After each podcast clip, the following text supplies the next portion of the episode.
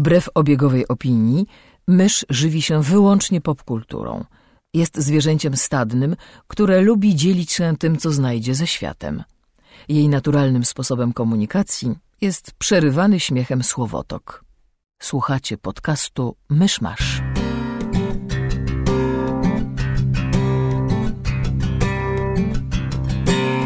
Gospodarzami podcastu Myszmasz są Krzysiek Sera, redaktor portalu Avalon.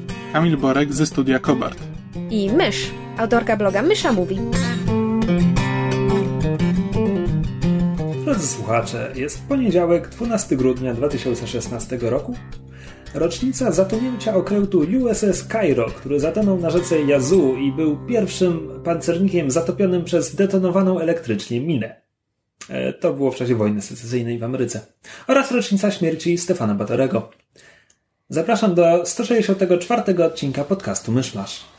Nieźle się rozlała ta wojna i wylądowała w Kairze. USS Cairo. To nazwa statku. E, od razu się przyznam, że ja strzelałem z tym, że to jest odcinek 164, bo to akurat zapomniałem sprawdzić. Chyba masz rację. Chyba mam rację. No dobrze, to, to dobrze. No. Witamy Was w kolejnym tygodniu. Jak zwykle zaczynamy od newsów. Co nam ostatnio wpadło w radar? Ja w ramach takiego uzupełnienia tego, o czym mówiłem w zeszłym tygodniu, mówiłem, że zapowiadają to wszystkie komiksy o X-Menach i tak dalej i w końcu dali informację o tej ostatniej serii, czyli e, o solowym miesięczniku Cable'a, e, bo ten bohater wcale się nie skończył w latach 90. Zapomniałem, kto go będzie pisał, od razu przyznam. Natomiast historia ma opowiadać o tym, że będzie jakiś zły, który manipuluje czasem i wykorzystuje efekt motyla, żeby zrobić sobie dobrze i Cable będzie musiał go e, powstrzymać. E, I no bo Cable, wi- wiadomo, przybył z przyszłości, żeby ratować teraźniejszość, bo powody, a w ogóle to jest synem Cyclopsa i Madeleine Pryor, tylko że oddali go w bardzo odległą, odległą przyszłość do wychowania. Tak, w ogóle jest telepatą i telekinetykiem, ale nigdy nie korzysta z tych umiejętności, bo ta mechaniczna rełka, którą ma, to nie jest tylko rełka, tylko jest zarażony strasznym kosmicznym wirusem i zużywa swoje moce, żeby się bronić przed tym wirusem. I jakby Cable potrafi być ciekawą postacią, natomiast nie był nią na starcie, bo stworzył go Rob Liefeld, którego podejście było, no będzie facet z mechaniczną rełką i ogromną giwerą, będzie fajny, nie? Bo mechaniczne łapy i wielkie giwery są fajne, nie? Bo to jakby Rob Liefeld tak pisze wszystkie swoje komiksy. E, A kiedy je rysuje, to bohaterowie nie mają stóp. Powszechnie znany fakt. E, I potem jakby to, to, że Cable stał się synem Cyclopsa i Madeleine Pryor, to jest retcon dopisany później, bo oni akurat mieli dzieciaka, którego można było gdzieś usunąć w cień i połączyć jedno z drugim. E, Tak naprawdę Cable ostatnio był ciekawy jakieś, kiedy to było 5, 6, 8 lat temu, kiedy, kiedy stał się takim e, samotnym, samotnym tatą wychowującym adoptu, adoptowaną, adoptowane dziecko, adoptowaną dziewczynkę, która oczywiście miała być mesjaszem wszystkich mutantów, ponieważ to komiksy i nie mogło być inaczej. E, ale to jakby po raz pierwszy od kiedykolwiek dało mu jakiś charakter. Tylko, że jak to bywa z dziećmi w komiksach, mm, on się z nią udał w odległą przyszłość, gdzie ona wyrosła na nastoletnią pannicę, więc teraz już nie bardzo jest potrzebny w tej roli. I tak trochę się boję, że znowu nie będzie na niego kompletnie pomysłu. Ale za parę miesięcy dostanie własny miesięcznik, bo jak mówiłem, na pewno jest na to ogromne zapotrzebowanie. Oprócz tego mieliśmy też e, pełen trailer, już nie, już nie teaser, do filmu The Mummy, czyli remake'u em, filmu Stevena Sommersa z lat 90., a także oryginalnej e, mumii studia Universal z Borisem Karloffem.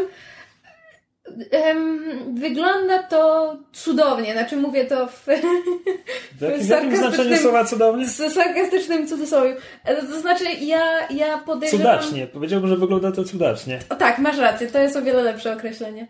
E... Znaczy, ja, ja zamierzam pójść i się dobrze bawić, natomiast pytanie, czy, czy twórcy mi jakby to dostarczą, zarówno w sensie zamierzonym, jak i tak złe, że aż śmieszne. Znaczy, sam zwiastun wygląda jak zwiastun niemal każdego akcyjniaka z Tomem Cruzem, czyli coś się dzieje, Tom Cruise biegnie, Liga Niezwykłych Dżentelmenów, Jest- dwukropek Tom Cruise. jest jakaś piękna, praktycznie bezimienna kobieta w tle, żeby była piękna kobieta w tle. I mumia na dodatek. Mumia, która ma podwójne źrenice, bo powody. Mumion Impossible. Mumion Impossible. ojej, ojej. Trochę wymuszony, ale, ale wciąż. A już, już. Mumin Impossible.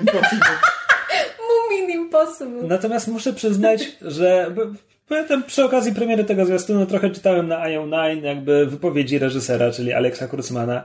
Ja nie wiem, czy jestem tak strasznie zniechęcony do tego człowieka, a mogę być, bo on grzebał przy Star Trekach nowych i w ogóle ogólnie go nie lubię. A to jest ten Znaczy, ja czy- od Orci i Kurzman. Tak, Tak, ten, znaczy ten ja czytałam Kurzman. ten artykuł na IO9, który tam linkowałeś i mam wrażenie, że trochę przesadzasz.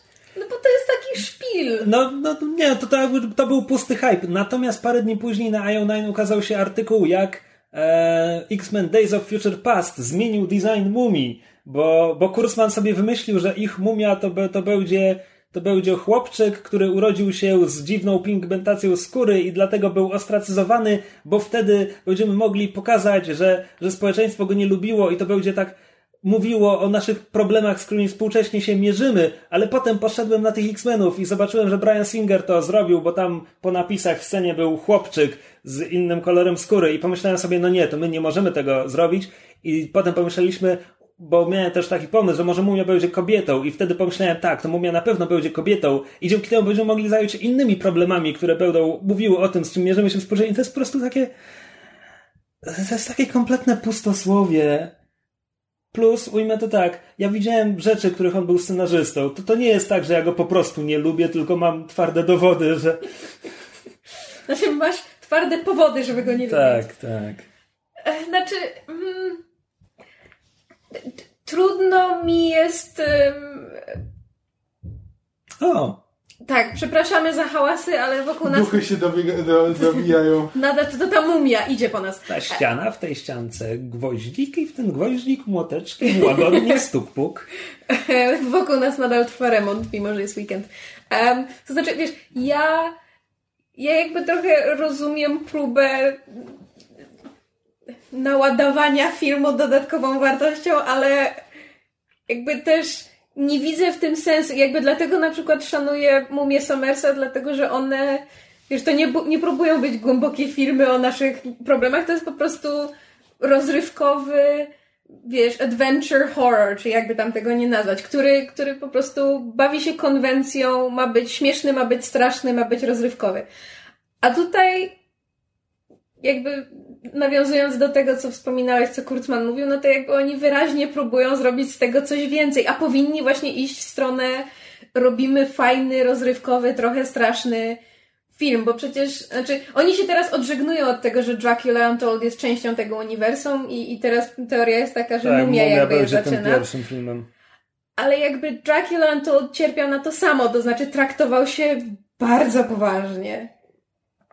Znaczy, ujmę to tak, znowu, cofając się do tych nieszczęsnych Star Treków, to Kurzman myśli, że Into Darkness było o współczesnych problemach i było głębokie i więc to ci od razu mówi poziom, o No czym więc- on mówi. Więc ja nie mam dużych Bo jeśli, bo jeśli w Into Darkness masz obrazek, który się kojarzy z 11 września, a w epilogu Kirk mówi, nie możemy się poddawać strachowi, chociaż cały film był o czymś zupełnie innym, to to już jest głębia.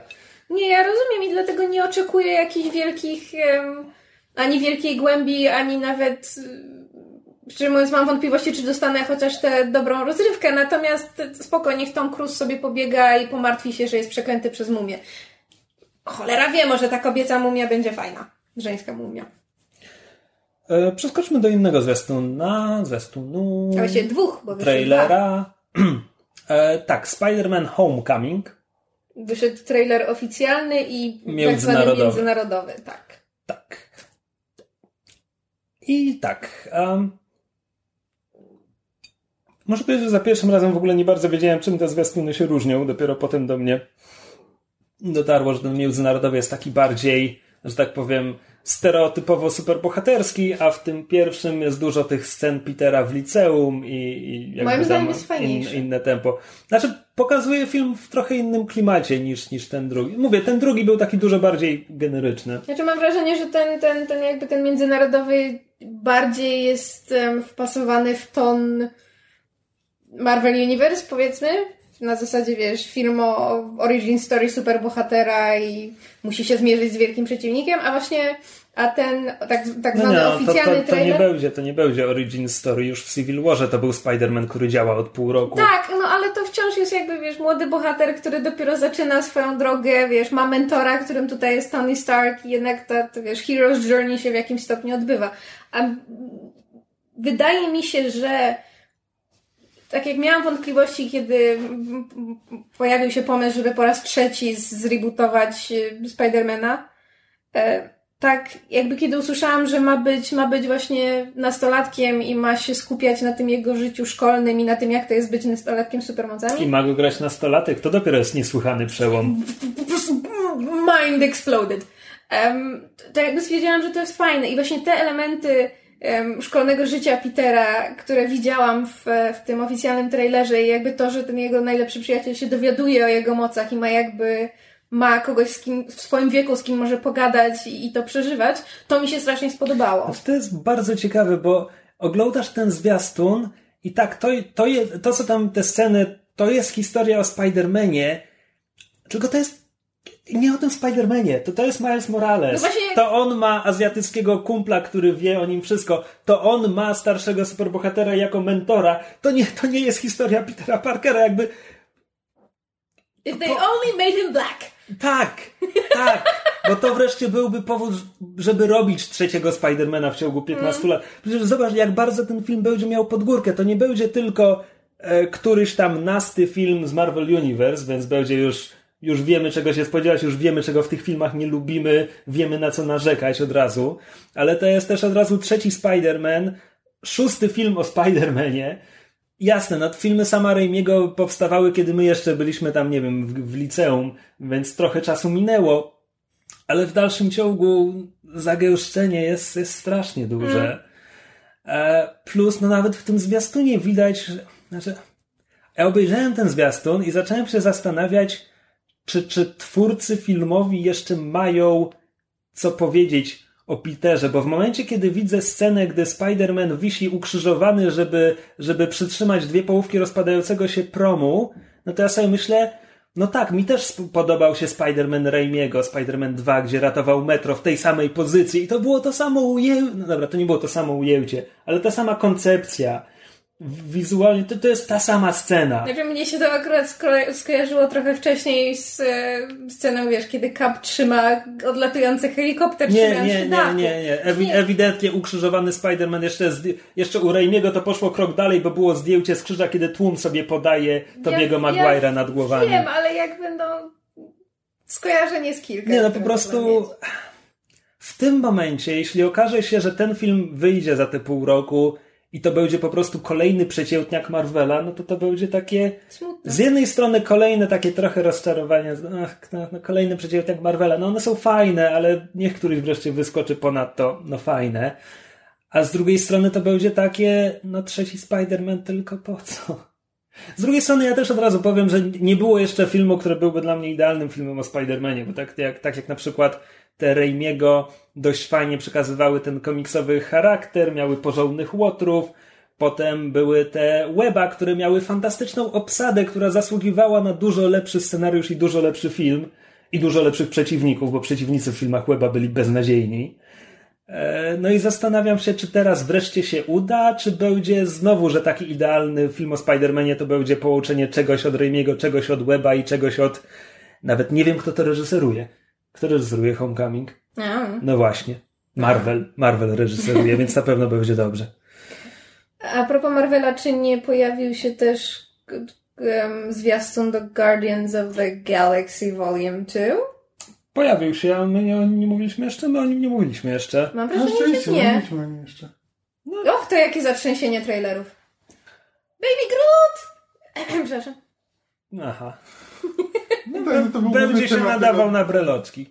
Znaczy nie, to i druga rzecz, która mnie kupiła, ale to jakby, znaczy to jest to, czego ja oczekiwałam i to jest to, co ja dostałam, mianowicie um, Fox on the Run zespołu Sweet w, w trailerze i po prostu już mam sygnał, że James Gunn dobrze dobrał, znaczy no bo dla mnie jedna trzecia, autentycznie, jedna trzecia fajności pierwszej Guardians of the Galaxy to jest dobór muzyki i jej wykorzystanie.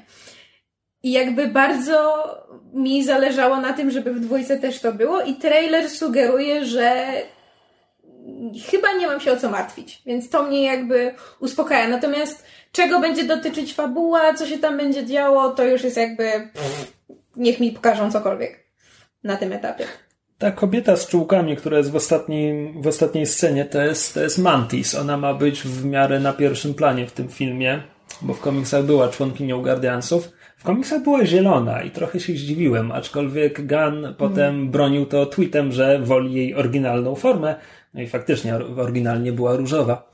A w ogóle to jest Wietnamką, a nie kosmitką, a potem to już się nie orientuje, bo to jest skomplikowana postać. To jest tak, że czasami w komiksach jest tak, że przychodzi scenarzysta, tworzy sobie postać i strasznie ją lubi.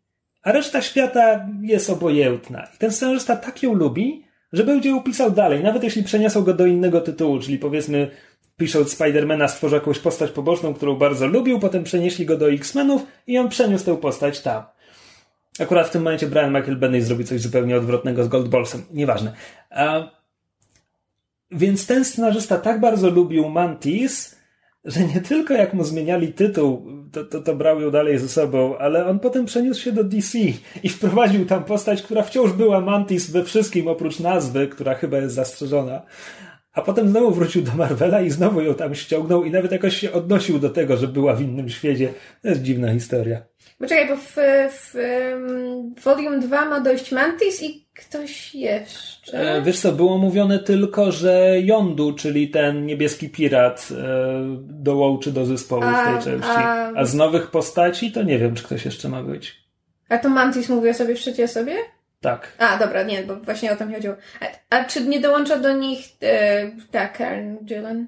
Gillian? Nebula? Nebula? Ja nie wiem, czy ona ma dołączyć. Ja mam wrażenie, że tak. Może. Coś takiego, że tam siostry, siostry może, Sisters. Może. No ja, ja i inni czytelnicy komiksów liczyli na ten e, Filevel i, i Mundragon, czyli kosmiczne lesbijki, z których jedna potem zamienia się w smoka, bo powody, e, ale niestety. Może w następnej Może części. w trzeciej części.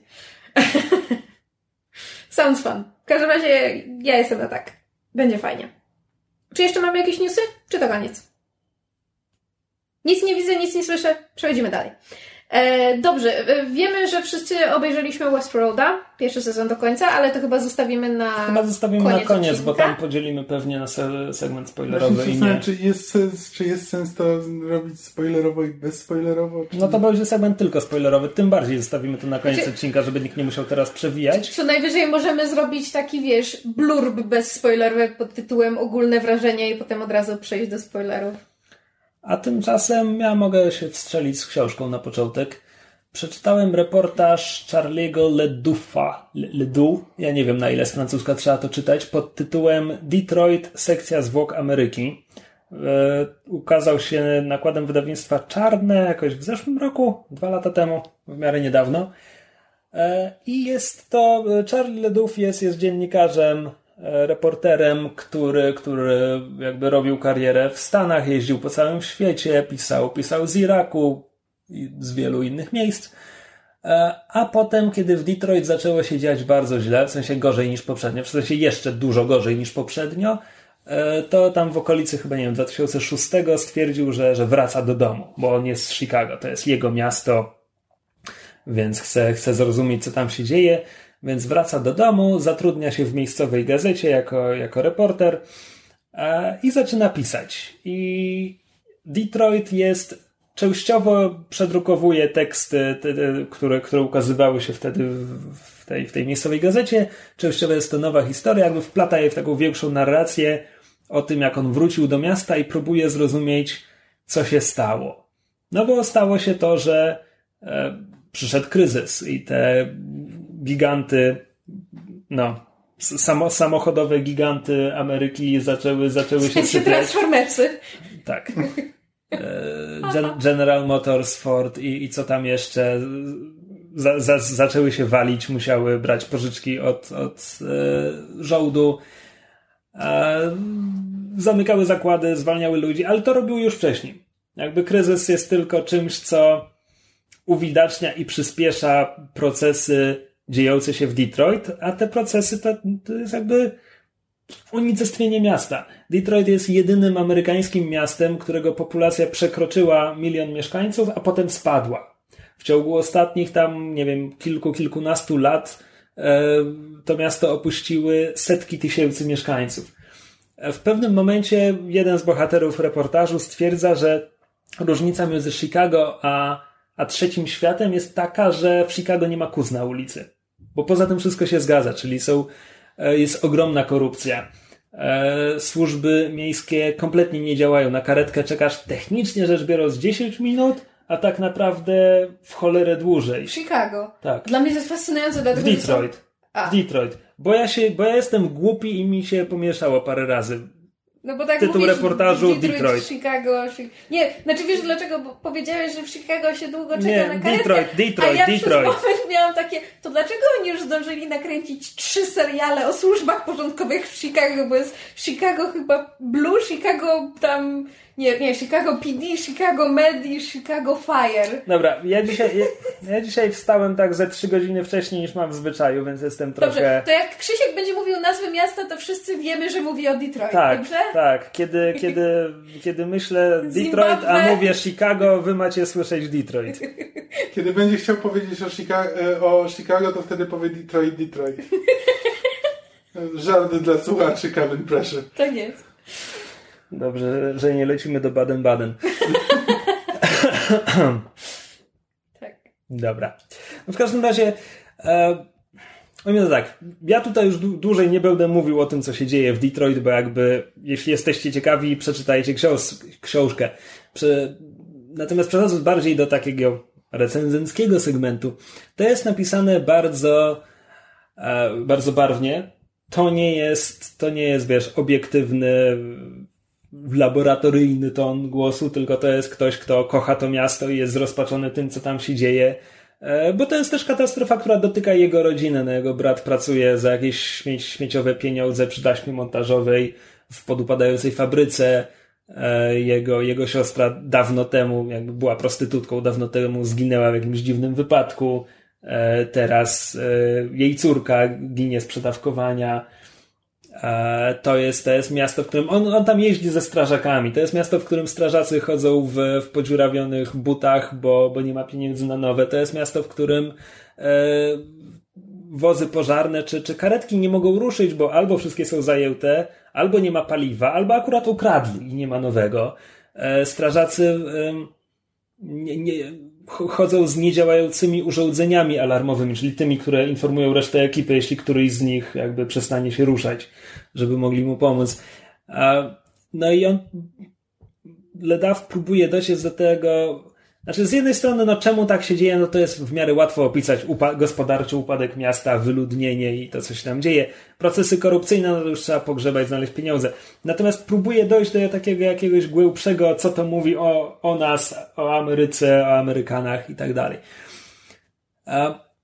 Bardzo dobrze się to czyta, bardzo szybko się to czyta. Ja miałem zasadniczo tylko dwa zarzuty. Trzy zarzuty. Znaczy, z jednej strony to jest napisane takim językiem, to jest żywy, barwny język, Czyta, czytałeś który w jakoś tłumaczeniu? czytałem w tłumaczeniu, który, może to jest właśnie kwestia tłumaczenia. To brzmi, jakby tam wszyscy zgrywali takich wielkich chojraków. I to jest tak, że wiesz, to nie jest miasto, które jest melancholijne, to jest miasto, które jest kurewsko smutne. To jest miasto, gdzie tam, e, wiesz, każdy jest ogromnym skurwysynem i, i to jest wszystko tak opisywane. I mnie to nuży. A drugie to jest nie wydaje mi się, żeby to był zamysł te, tego reportera, ale tam jednak czasami wydaje się, że on się kreuje na ostatniego sprawiedliwego w tym mieście. I to też mnie strasznie gryzie. I znowu, wydaje mi się, że mu to przypadkiem wyszło. Jakby ogół książki nie, nie sugeruje, że on tak siebie widzi, ale czasami tak to wygląda. No i wreszcie jest tłumaczenie. E, Ono nie jest tragiczne, ale nie jest dobre. E, I raz, że ogólnie mam wrażenie, że ta plastyczność tego języka, wydaje mi się, że po angielsku te wszystkie przekleństwa zupełnie inaczej by brzmiały i wydaje mi się, że nie zostały dobrane dobrze i dlatego ogólne wrażenie jest takie trochę dziwne. Ale poza tym, jakby mam bardzo konkretne przykłady na to, że to jest dość nieudolne tłumaczenie. Tam jest bardzo dużo przypisów na zasadzie no nie w pewnym momencie Ledaw pisze, że sprawa morderstwa jakiejś tam prostytutki stała się w Detroit w tym czasie ulubionym i w oryginale było e, Favorite Grassy Knoll. I w tłumaczeniu masz stała się dla mieszkańców Detroit ulubionym trawiastym wzgórzem. I tutaj masz teraz przypis. Chodzi o trawiaste wzgórze, z którego ponoć strzelano do e, Kennedy'ego, które jest synonimem teorii spiskowych. I teraz tak, jeśli to ma być przypis, który czytelnikowi coś powie o języku angielskim, no to zostaw w oryginale grassy knoll, żeby było wiadomo o co chodzi. A jeśli to ma być przypis, który wyjaśni o co chodzi w zdaniu, To napisz teoria spiskowa. to napisz teoria spiskowa, a nie zostawiasz jakieś idiotyczne trawiaste wzgórze. Jakby i tego typu rzeczy jest na tyle dużo, że mnie to irytowało i, i brało pod skórę. Ale to jakby, no to mimo wszystko to są, to są pomniejsze wady, a sama, sama książka jest bardzo ciekawa i cholernie smutna. Czy ja, jeżeli dobrze pamiętam, to. Bo jakby Detroit się w popkulturze pojawia i właśnie najczęściej w tym swoim, że tak powiem, smutnym, skorumpowanym, No teraz- chylącym się ku upłatkowi wcieleniu. Teraz to już nawet Robocop mu nie pomoże. Akurat Robocopa nie widziałam, natomiast Też siedział w Detroit. do, domyśliłam się, ponieważ podałeś tytuł. Natomiast wydaje mi się, że ostatni film, który się dzieje w Detroit, który widziałam, to jest Only Lovers Left Alive. Bo tam chyba główni bohaterowie mieszkają właśnie w Detroit. I mam wrażenie, że te takie długie ujęcia Jarmusza, gdzie oni właśnie nocą jeżdżą przez to opuszczone, um, upadłe miasto, to są widoki Detroit. I pamiętam, że to wywołało na mnie bardzo duże wrażenie, właśnie bardziej niż wiesz, niż tłumaczenie mi, że to jest miasto, które się chyli ku upadłokowi, gdzie przemysł upadł i tak dalej. To jakby te właśnie, wiesz, te, te puste, opuszczone, niszczące budynki, wokół których snują się zblazowane wampiry w samochodzie. Z jakiegoś powodu bardzo, bardzo duże wrażenie to na mnie wywołało. Tam gdzieś pod koniec Ledaw pisze, że no Detroit będzie trwało dalej, tak samo jak miasto Rzym trwało dalej. I to jest, to jest bardzo obrazowe porównanie. Ja z kolei widziałem. E, Koteczka. Tak, widziałem Kotecka. E, widziałem Salecka. Nie, bez sensu. Wow. E, dobrze, widziałem Sally, który jest filmem Clint'a Eastwooda. No i to zasadniczo może posłużyć za recenzję. Słuchaj, Wow. em, chciałbym... Czy któreś z was widziało Flight z Denzelem Washingtonem? Nie. Bo jak widziałem zwiastuny Saliego, to po prostu można by przekleić wszystko. Poza tym, że Sali nie pił, czy nie ćpał, czy cokolwiek robił Denzel Washington w tamtym filmie. Bo poza tym, to mi się wydawało, że to jest po prostu ten sam film, tylko tutaj jest oparty na faktycznych wydarzeniach. Znaczy, tro, być może nie oglądałem Flight, ale rzeczywiście trochę tak. Znaczy, to jest film, no, dla tych, którzy nie, nie wiedzą, no to, to jest o e, kapitanie Chel, e, nie, nie, nie, nie Chelsea, Cze- Cze- Czezleju e, Salenbergu, zwanym potocznie Sally, e, który kilka lat temu, nie pamiętam, który to był rok, wylądował, miał, jakby, miał awarię dwóch silników i musiał lądować na rzece Hudson w Nowym Jorku. Co jakby nikomu się chyba nigdy wcześniej nie udało. Znaczy lądowania na rzece są teoretycznie możliwe, ale tak niebezpieczne, że e, chyba nie, ma, nie było takiego przypadku w historii, żeby się powiodło. Znaczy, to było, to było wydarzenie, które jakby ludzie śledzili na żywo. To znaczy, w momencie, kiedy samolot zaczął spadać, ludzie pisali o tym na Twitterze i to pisali na zasadzie they're all dead, a potem samolot wylądował na rzece Hudson i ludzie pisali, no dobra, to zaraz nie wiem, zatonie wybuchnie, na pewno wszyscy nie żyją. I Tak, po prostu, myślałem- znaczy, i potem się ludzie stopniowo dowiadywali, co się stało, i to było wielki po prostu cud, cud na rzece Tak, tak, no. że- Wydaje, jednak- wydaje mi się, że to był 2011 i to było pierwsze takie wydarzenie, znaczy to było pierwsze takie wydarzenie, kiedy mainstreamowe, media, znaczy nie mainstreamowe, stare media, przez co mam na myśli również serwisy internetowe, zorientowały się, jaka jest potęga serwisów społecznościowych w rodzaju Twittera, właśnie dlatego, że relacje na żywo to nie byli reporterzy, którzy musieli tam dojechać w manhattańskim korku, tylko to byli właśnie ci wszyscy ludzie z komórkami, którzy stali Ale na mam, brzegu mam robili wrażenie, zdjęcia. że to samo było podczas maratonu w Bostonie. Który był później. A był później, a właśnie to nie byłam, 2012 nie byłam pewna 13. jaka była kolejność. Tak, znaczy ten film się na tym nie skupia, tam znaczy, mówi, że y, na koniec w napisach jest jakby mowa o tym, że, znaczy, że poza tym, że jakby Sarenberg uratował wszystkich, no to jakby e, częścią tego, że udało się wszystkich uratować, no to była szybka reakcja e, właśnie Coast Guard, e, ratowników.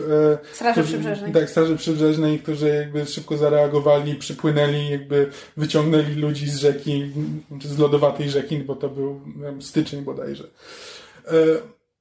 No, jakby, a film się skupia jakby, znaczy zaczyna się w momencie już po tym lądowaniu, kiedy jakby już wiemy, że, no, doszło do tego lądowania, tylko że toczy się śledztwo, no, ponieważ jakby służby e, lotnicze muszą zbadać, czy aby na pewno to lądowanie było potrzebne, czy jakby czy on podjął prawidłową decyzję, czy miał czas, żeby polecieć na inne lotnisko i tak dalej. Jakby i po prostu i go badają, co jakby jest powodem jakby dużego stresu dla, dla Sandberga, który w dodatku jest cały czas E, wszyscy, wszyscy o nim mówią, wszyscy, e, wszędzie gdzie się nie pojawi, to chodzą za nim dziennikarze, e, a jeszcze ma na głowie to, że on sam się, sam wątpi, czy może miałem czas, żeby polecić, no, że tak podjął decyzję w tamtej chwili, no ale co jeśli rzeczywiście miał czas, żeby wylądować po prostu na lotnisku, a ryzykował życiem 100, ponad 150 osób,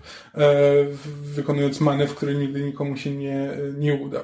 Mała poprawka faktograficzna. Doszło do tego w styczniu 2009 roku. A choć e, uratowano wszystkich pasażerów na pokładzie, powinniśmy wspomnieć te wiele ptaków, które wpadło do silnika. no. Smoothie z gęsi. Pasztet. Znaczy, film jest kompetentnie zrobiony. Znaczy tam e, poza Tomem Hanksem, który, e, który gra... Bardziej nie mogłeś go pochwalić. Znaczy, bo to jest. Nie, wszystko, nie mogłem. Nie, to jest wszystko, na co ten film zasługuje. Znaczy, jakby to nie jest. It's nie jest fine, okay, it's jest, fine. Tak, to nie jest wielkie dzieło sztuki, ale to się przyjemnie się go ogląda. Znaczy, nie mogę się przyczepić, że o Jezu, nudne było, albo no po prostu fajnie się go ogląda. E, jest świetnie zagrany, no bo Tom Hanks, Laura Kinney gra jego żonę. Laura Kinney? A nie Linny? Linny, przepraszam. Laura Linney. Linney. Laura Kinney to X23. Właśnie. E, dobra, Laura Linney. Jest Aaron Eckhart z bardzo ponętnym tak, wąsem. Aaron Eckhart z wielkim wąsem gra pierwszego oficera. Mm, no i no i, skupie, no i ponieważ to jest film yy, chciałem powiedzieć Clintwooda. Coś mam z tymi nazwiskami. Yy, ponieważ to jest film Eastwooda, no to Salenberg jest e, nieskazitelnie czystym bohaterem, e, doświadczonym pilotem z 30 lat, e, latami e, lotów na karku. E, natomiast ci źli to jest ten panel śledczych, którzy, którzy go męczą o to, czy on na się, pewno dobrze zrobił. Tak, i to są, znaczy, e, Służbiści. Bardziej, znaczy, to by mogło być tylko bardziej sugestywne i bardziej istudowskie, gdyby cały ten panel śledczych składał się z brodatych milenialsów. E, bo to jest na zasadzie, że jak oni mają czelność e, kwestionować decyzję kogoś bardziej doświadczonego, kogoś, kto lata 30 lat samolotami i podjął decyzję, uratował tych ludzi, jak oni mogą w ogóle go męczyć, dręczyć i E, i sugerować, że mógł zrobić coś lepiej i że, albo że może było lepsze rozwiązanie. No i jakby, wiesz, no jakby z perspektywy tego, że wszystko się dobrze skończyło i wiemy, że się dobrze skończyło, no to oczywiście, no, Sali jest bohaterem. No ale jakby Ktoś musi zadawać te pytania. Ale tak, no trzeba zadawać te pytania, no bo, bo jest wersja tej historii, w której to nie Sali siedzi za, e, za skrzydłami, tylko ktoś zupełnie Sorry. Za sterami. E, ze skrzydłami powiedziałem. You're having a wonderful day. Tak, ktoś siedzi inny za sterami, któremu wydaje się, że jest w stanie wylądować na tej rzece, a nie może. I w której e, poleciał, której te e, ptaki uderzyły 30 sekund później i mógłby wylądować na lotnisku. I, jakby, I trzeba to sprawdzić, no bo y, po prostu jest to potrzebne też dla kolejnych pilotów po to, żeby jakby wiedzieć, co się wydarzyło, jak się wydarzyło, czy była inna możliwość i żeby inni też wiedzieli, jak mają postępować w takiej sytuacji na podstawie tego, co rzeczywiście się stało. I jakby przedstawianie tego w takich bardzo mocno czarno-białych sprawach, że no tutaj ci oni go dręczą, a on wie co robi i przecież oczywiste jest, że wie co robi, bo jest starszym, doświadczonym człowiekiem, no to, no to to jest typowy Eastwood. No to to jest, to jest Gran Torino. Tam starego człowieka nachodzili milenialsi, których musiał przegonić ze swojego ogródka. Praktycznie rzecz biorąc tak. You damn kids! Tak, tak, nie, to jest, to, to jest Get Off My Lawn the Movie. Gran Torino. E, e, Ojej. No i Sally jest pod tym względem dosyć podobny i to jest bardzo przyjemny film. Znaczy naprawdę rzeczywiście można pójść i spędzić na tym. Jest piękna scena, znaczy w momencie, kiedy, bo jest też, są ujęcia, znaczy poza tym, że pokazuje nam też jakby urywki życia tych pasażerów tego samolotu, znaczy jest rodzina, która e, została przeniesiona na ten samolot, bo ich samolot nie wystartował e, i tam prawie się na niego spóźnili, bo musieli przejść z lotniska na lotnisko. I no mamy tam scenki z życia tych pasażerów, które są też e, przyjemnie zrobione. Przepraszam, ale mam silne skojarzenia z pierwszym Final Destination. tak. Jest piękna scena z wieży kontroli lotów, gdzie jakby ten biedny kontroler, który mówi na zasadzie, że no, y, tam masz, y, z prawej strony masz lotnisko, y, znaczy jest LaGuardia, a z lewej strony tam lotnisko, nie pamiętam jak się nazywa, drugie. Sali mówi, że będę lądował na rzece Hudson.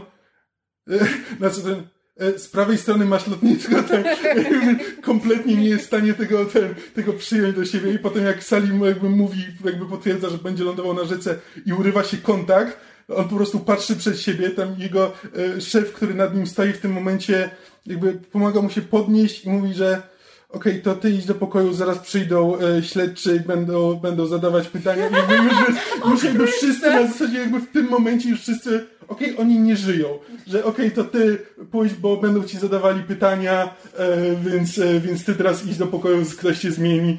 E, yes. To, I to jest piękne, znaczy, że jakby jest parę takich właśnie fajnych scen, jakby dotyczących życia ludzi, które jakby ta katastrofa może nie dotyczyła bezpośrednio, ale wpłynęła na nich i to są, to są, to są fajne e, rzeczy. Także przepraszam, rodziny, które były w tym samolocie, ta tragedia dotyczyła dość bezpośrednio. Nie no właśnie, ale mówię, że jakby też Wiem, były ludzi, którzy nie, nie byli tam, ale to, to ich jakoś tam dotknęło. E, no i jakby też rodziny, rodziny samego Salenberga no i tak, no to ja poszedłem na ten film tam samemu, przysiedziałem, bardzo dobrze się bawiłem, wyszedłem z niego i y, za parę miesięcy o nim zupełnie zapomnę.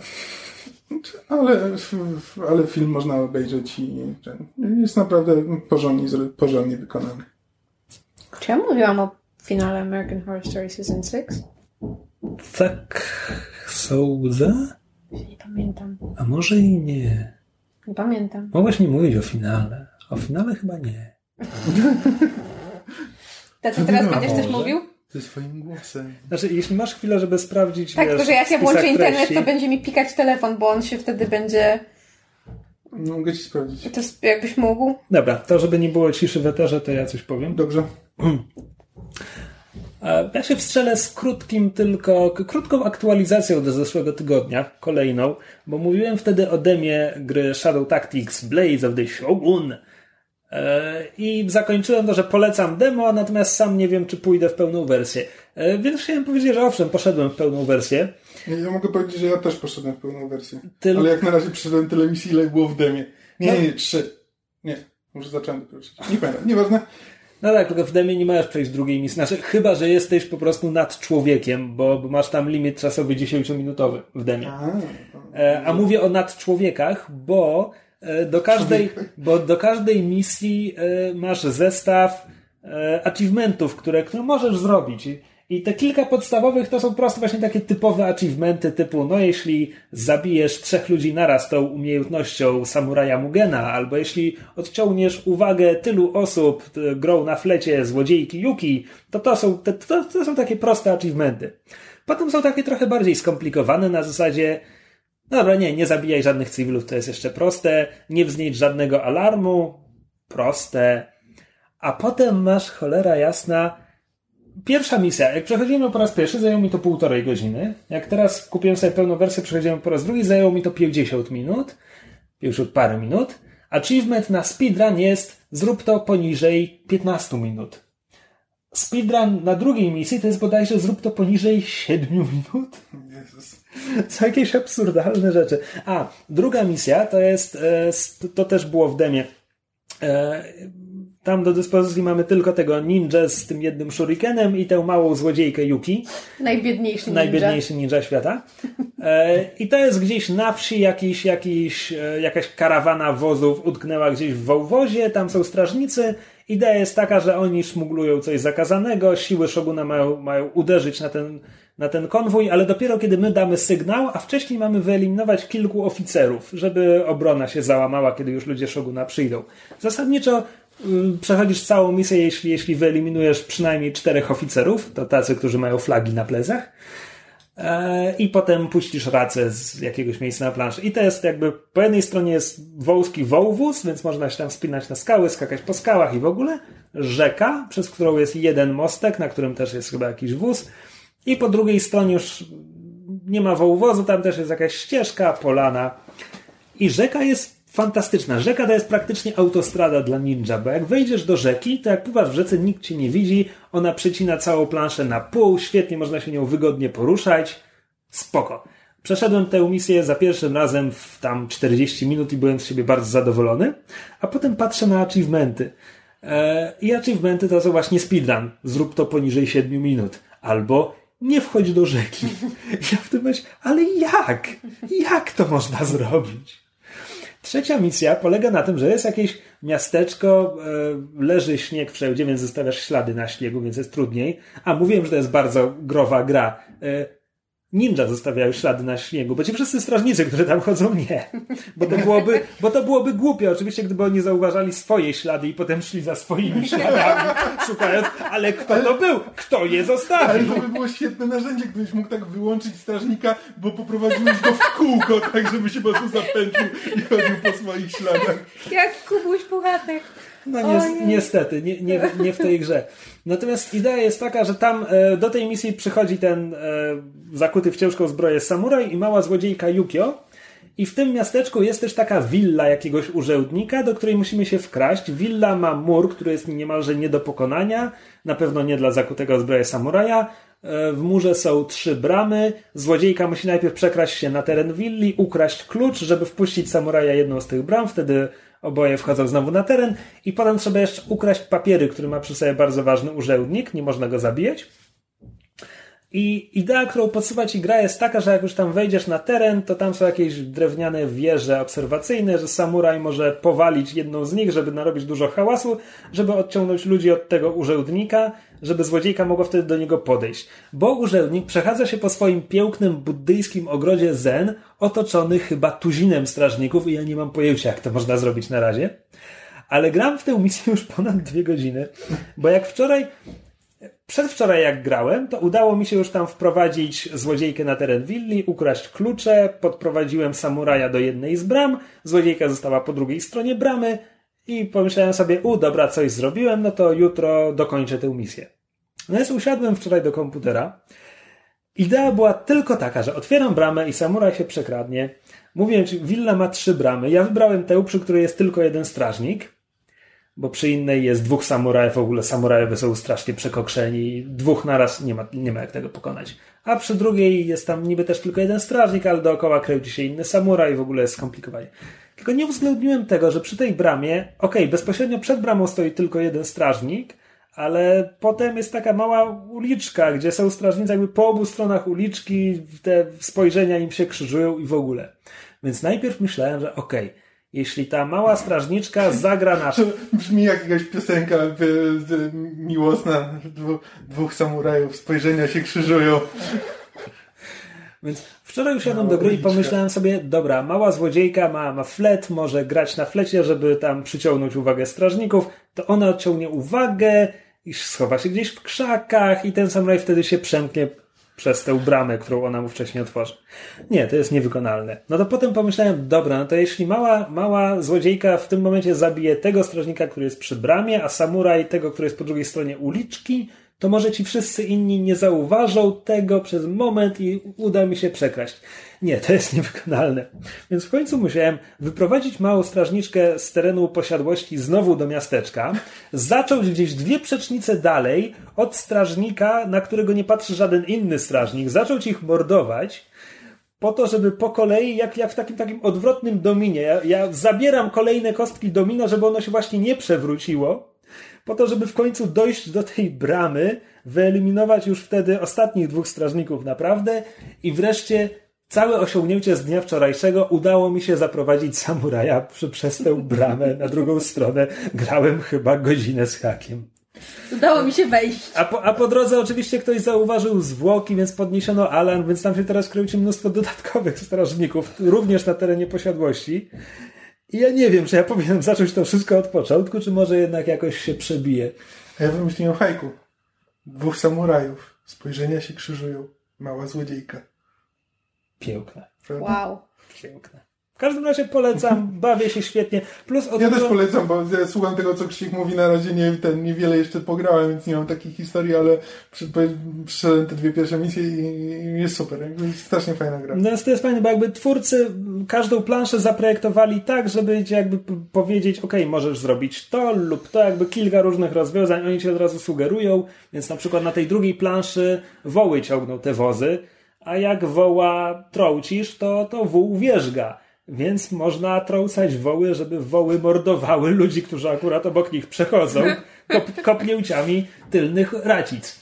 E, jest Racic czy kopyt? E, Kopyt. kopyt. Raciczki mają prosiełta lub na odwrót. E, je- jest achievement. To mają rodziczki? jest, Chyba tak, znaczy łanie chyba mają racic. Nie, czekaj. Kopyt. God damn it, what's the difference? Nie, prosięta mają rodziczki. No. jest, jest achievement, jeśli zmusisz woły do zabicia trzech strażników. A czy jest achievement zmusić woły do stepowania? E, tego nie wiem. Natomiast, więc to jest jakby coś, co jest na planszy, twórcy to tam umieścili po to, żeby z tego skorzystać i zresztą w pewnym momencie twoi, twoi, twoi postacie, którymi kierujesz, zauważają te woły i mówią, hej, woły można łatwo zaniepokoić, można to wykorzystać. E, Swoją drogą, a propos tego, jak bardzo to jest growa gra, e, twoje postacie prowadzą swobodne dialogi między sobą, takie wiesz, szeptane rozmówki, żeby nikt ich nie usłyszał. E, Prowadzą je nawet, kiedy są po przeciwległych stronach planszy, po prostu one mają jakąś telepatię. E, natomiast- Więc jakby to jest te kopiący wół to jest coś, co twórcy tam umieścili, żeby było i to jest śmieszne, kiedy to zrobisz. Natomiast w pierwszej misji, kiedy jesteś na tym zamku obleganym przez siły Shoguna i trzeba wysadzić bramę, żeby siły Shoguna wbiegły na teren zamku, musisz to zrobić beczką prochu. Jak przechodziłem tę misję po raz drugi, to już miałem taką wygodną sytuację, tylko samuraj jest na tyle silny, żeby podnieść beczkę prochu, więc on ją musi zanieść w pobliże bramy. E, I w pewnym momencie był, był taki fragment planszy, który już oczyściłem w prawie wszystkich strażników na różne sposoby i został tylko jeden. No i ninja bez problemu przeszedł jakby za nim, tuż za nim, spoko. A potem próbowałem tam przeprowadzić samuraja. No i jak można było się domyślać, samuraj niosący ciężką beczkę prochu robi trochę hałasu, więc jak próbowałem go przeprowadzić tuż za plecami strażnika, to strażnik się zorientował. I tam od razu zaczął strzelać i w ogóle. Więc załadowałem stan gry sprzed paru sekund i stanąłem tak kawałek za tym, za tym strażnikiem, zastanawiając się, co właściwie można tutaj zrobić. Beczką prochu można rzucać. Więc mój samuraj niesie w dwóch rękach ogromną, ciężką beczkę prochu, zatrzymuje się metr od strażnika, rzuca beczką w strażnika, pozbawiając go przytomności, podchodzi, zabiera beczkę, idzie sobie dalej. W momencie, kiedy już tam wspina się na tę bramę, którą ma wysadzić, tamten się podnosi i zaczyna krzyczeć wiem, że tu jesteś, wyłaź, gdzie się ukryłeś? A ja w międzyczasie wysadzam bramę i to jest szalenie zabawne, zwłaszcza, że to jakby to się stało samo, a nie twórcy to tak zaplanowali. Aha. Więc to było bardzo zabawne. I to już, to już w tym momencie naprawdę wszystko. Pewnie będę miał więcej takich historii, jak wreszcie przejdę tę cholerną trzecią misję. E, To co z tym American Horror Storem? Nie mówiłaś jeszcze o nim. A, nie mówiłam. Dobrze, to mogę powiedzieć. Znaczy, mówiłaś na samym początku, ale nie o końcu. Nie no, w połowie też. Tak? Tak, było już o twiście, że to jest reality show w czymś tam, o tym już mówiłaś. Nie, to Było. To było na samym początku? Że jakby od początku była forma True Crime Story. No tak, ale że potem jest ten powród do nawiedzonego A, domu dobra, i tak tak, dalej. to O tym twist. mówiłaś. Jakiś czas temu zakończył się szósty sezon American Horror Story z, pod tytułem Roanoke, nawiązującym do em, legendarnej kolonii w Stanach. Nie legendarnej, historycznej. Ona była, Tak, ale jakby z nią jest związana legenda. bo ludzie nie potrafią czytać. Oni napisali, gdzie idą. No na litość boską. Ojej. Um,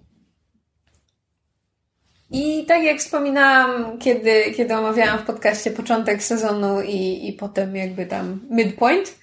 Um, I w tym, w tym sezonie twórcy skupili się na zabawie formą przede wszystkim. I jakby American Horror Story w każdym sezonie starało się nawiązywać do jakichś e, tradycji horroru, czy to pod względem Zazwyczaj pod względem tematyki, to znaczy na przykład w pierwszym sezonie mamy nawiedzony dom, w drugim sezonie mamy nawiedzony i opętany, e, nawiedzony i opętany szpital psychiatryczny, w trzecim mamy wiedźmy, w czwartym mamy freak show, czyli jakby... I nawiedzony i opełtany są...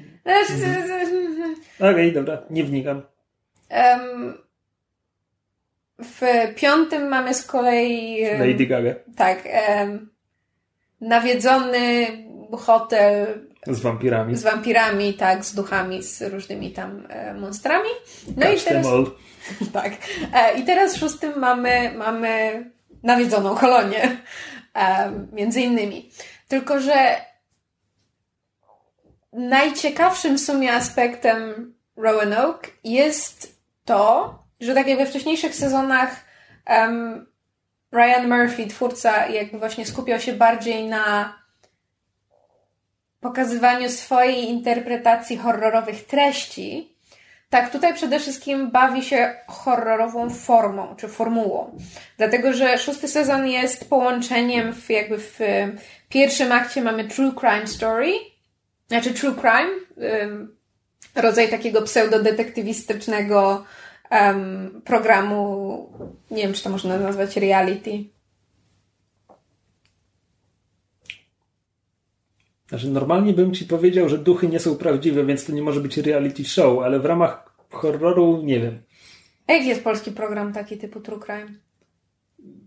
W11 O Wydział Śledczy. tak, no to tego typu program, gdzie jakby niby mamy rzeczywiste wydarzenia, ale pokazywane przez tak zwane reenactments.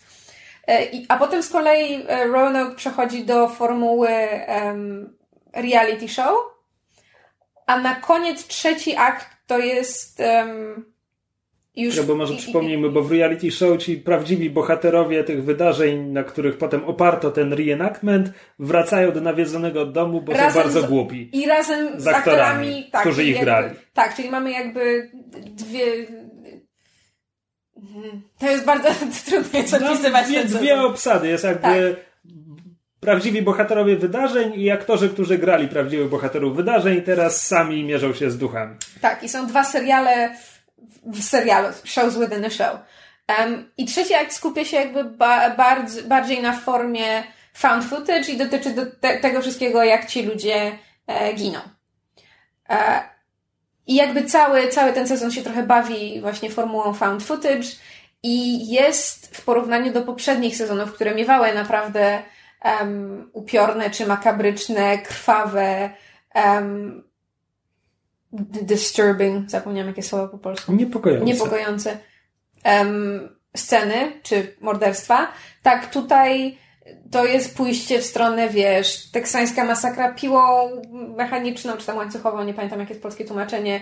E, Wzgórza mają oczy, wiesz, wszelkie piły, hostele, to jest mniej więcej ten poziom brutalności i, i, i gore. I wiem, że wielu się to podobało, to znaczy fanom gatunku horroru, którzy lubią tego typu em, motywy em, i klimaty się to podobało. I ja mimo wszystko wolę, jak Murphy jest taki um, dystylizowany i w pewnym sensie przeestetyzowany, trochę w stronę kampu, trochę w stronę kiczu. Właśnie na przykład dlatego Hotel mi się bardzo podobało, bo było tym takim, wiesz, to, to, to było połączenie... i kiczem, który lubisz. Znaczy nie, to było połączenie, wiesz, high fashion i horroru. To, Murphy, Mur- Murphy'emu to moim zdaniem bardzo fajnie wyszło. Natomiast Um, problem w, w szóstym sezonie Roanoke dla mnie był taki, że jakby rozłożenie tempa wydarzeń było bardzo nierówne. To po pierwsze, um, w związku z czym jakby na przykład trzy ostatnie odcinki, um, przed, przedostatni odcinek i przedostatni odcinek były, działy się w ciągu chyba jednego wieczoru, czy jednej doby i skupiały się tylko na kilku bohaterach, więc te ich, wiesz, cierpienie i uciekanie przed tym niebezpieczeństwem i te tortury i wszystko przez co przechodzili było bardzo rozwleczone. A potem dziesiąty odcinek jest jakby odcięty od tego, dzieje się trochę później i dotyczy jakby um, czy po polsku jest słowo reperkusje? Konsekwencji. Konsekwencji, dziękuję. E, konsekwencji tego, co się wydarzyło, medialnej nagonki, procesu sądowego, który z tego wynikł i jakby dotyczy tej, tej jednej osoby, która przeżyła tę finałową masakrę i tego, co, e, co w związku z tym ona przeżywa. I jest jakby ten finał jest troszeczkę osobno. I ten finał jest w sumie najfajniejszy, dlatego że on wraca do tego, um, do tego wątku, który jakby cały ten sezon poruszał, to znaczy takiej warstwy meta, metanarracji, e, takiej, takiego komentarza społecznego czy krytyki społecznej na temat, wiesz, celebryctwa, e, na temat y, seriali, na temat tego, jak idealizujemy właśnie celebrytów i jesteśmy w stanie im wiele wybaczyć, jak fałszywe są tego typu programy, jak fałszywi są ludzie, cała taka otoczka reality, jak te seriale się produkuje, to taka cała warstwa meta e, narracji właśnie telewizyjnej, którą Murphy wprowadził, było bardzo fajna i ona wraca w tym, w tym dziesiątym e, odcinku. Aczkolwiek słuchacze o lingwistycznym zacięciu mogę uspokoić, że reperkusje są również w języku polskim. Aha, to tak jak dystrakcje. Bardzo dobrze. Ja lubię takie słowa, które są w obu językach i brzmią tak samo. Co? Nic, nic. No bo po polsku nie ma dobrego zwrotu na distraction. W sensie można powiedzieć, że coś odwraca Twoją uwagę, natomiast nie ma rzeczownika, z tego co wiem. Um, oprócz właśnie dystrakcji, jak się okazuje. E, natomiast tak jak wspominałam, że przed, przed ostatnim odcinku, przed ostatnim odcinku mamy to takie długie, rozwleczone cierpienie, to by było skuteczne, gdyby nie to, że serial spalił jakby jedną ważną rzecz. To znaczy, przez to, że mieliśmy tylu, tylu bohaterów i w pierwszym akcie mieliśmy ten segment True Crime, gdzie jakby wiemy, że bohaterom się nic nie stanie, no bo oni nam opowiadają, co im się przydarzyło, prawda? Te rzeczywiste postaci siedzą przed kamerą, opowiadają nam, co im się przydarzyło, a my widzimy aktorów wcielających się w nich w reenactment, więc jakby wiemy, że te postacie przeżywają. I kiedy dochodzimy do drugiego aktu, w którym jakby obie te grupy rzeczywistych postaci aktorów, którzy ich grali, spotykają się z powrotem w tym domu i mamy ten element reality show, to po pierwsze, większość z tych bohaterów jest dość antypatyczna albo ma coś dużego na sumieniu, a po, po drugie, po trzecie, już nie wiem, która to jest ręka, z trzeciej ręki, um, jakby jest ich tyle i oni są pokazywani na tyle krótko, że mam wrażenie, nie mamy czasu się z nimi zżyć. W związku z tym, kiedy oni potem zaczynają ginąć po kolei, a potem w tych dwóch przed, przedostatnich odcinkach obserwujemy zmagania już, wiesz, takiej malutkiej grupki z nich pod tytułem komu się uda przeżyć, kto przetrwa tę masakrę, you don't really care. I to jest mimo wszystko problematyczne, bo jakby dla mnie horrory są horrory są straszne nie, nie, nie, nawet nie tyle dlatego, że że wiesz, że trup wyskakuje z szafy, tylko dlatego, że nam w jakiś sposób zależy na tych bohaterach i chcemy, żeby, żeby przeżyli, żeby nie stała im się krzywda. I tutaj niestety tego zabrakło. I nie do końca wiem, czy wynika to właśnie z, z zbyt dużej ilości bohaterów, bo to jest jakby mnogość wątków i, i nieumiejętność ich sensownego splecenia to jest coś, na co American Horror Story cierpi od dłuższego czasu, właściwie od początku. Natomiast nie wiem, czy to jest kwestia tego, że mi po prostu nie odpowiada ta, ta takie zakończenie w klimatach gore czy, i, i tej brutalności było za dużo, czy to było za bardzo rozwleczone, czy to jest po prostu połączenie tych wszystkich elementów ale jakby mój, mój wniosek, czy tam podsumowanie z tego jest takie, że nie jest to mój ulubiony sezon, natomiast nadal jest bardzo dobry. Um, A jakbyś miała uszeregować wszystkie te sześć sezonów od najgorszego do najlepszego, tak żeby komentatorzy mogli się z tobą nie zgadzać? E, kochany, to jest bardzo proste. E, najgorszy jest um, Freak Show, głównie dlatego, że nie skończyłam. Znaczy jakby fakt, że nie skończyłam jest dla mnie pewnym wyznacznikiem. Potem jest um, Coven, którego nie cierpię ze względu na um,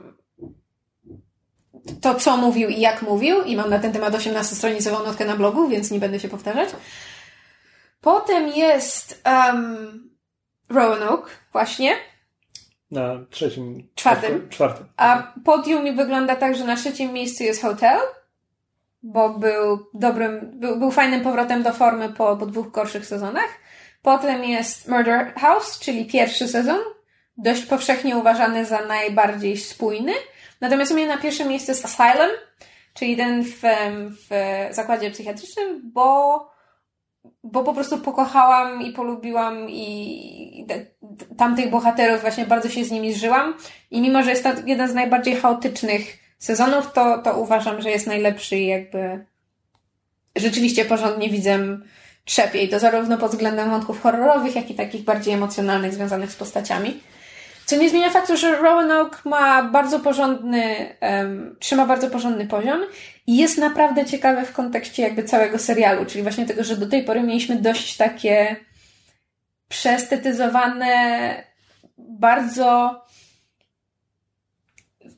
mimo wszystko spójne stylistycznie sezony i teraz mamy to Roanoke, który tym swoim um, realizmem i tym gore i tym, um, tym formatem found footage bardzo się od reszty moim zdaniem odcina i jest ciekawym i dość odważnym eksperymentem ze strony twórców i jestem bardzo ciekawa, jak oni to dalej pociągną, o czym będzie i jak będzie wyglądał siódmy sezon.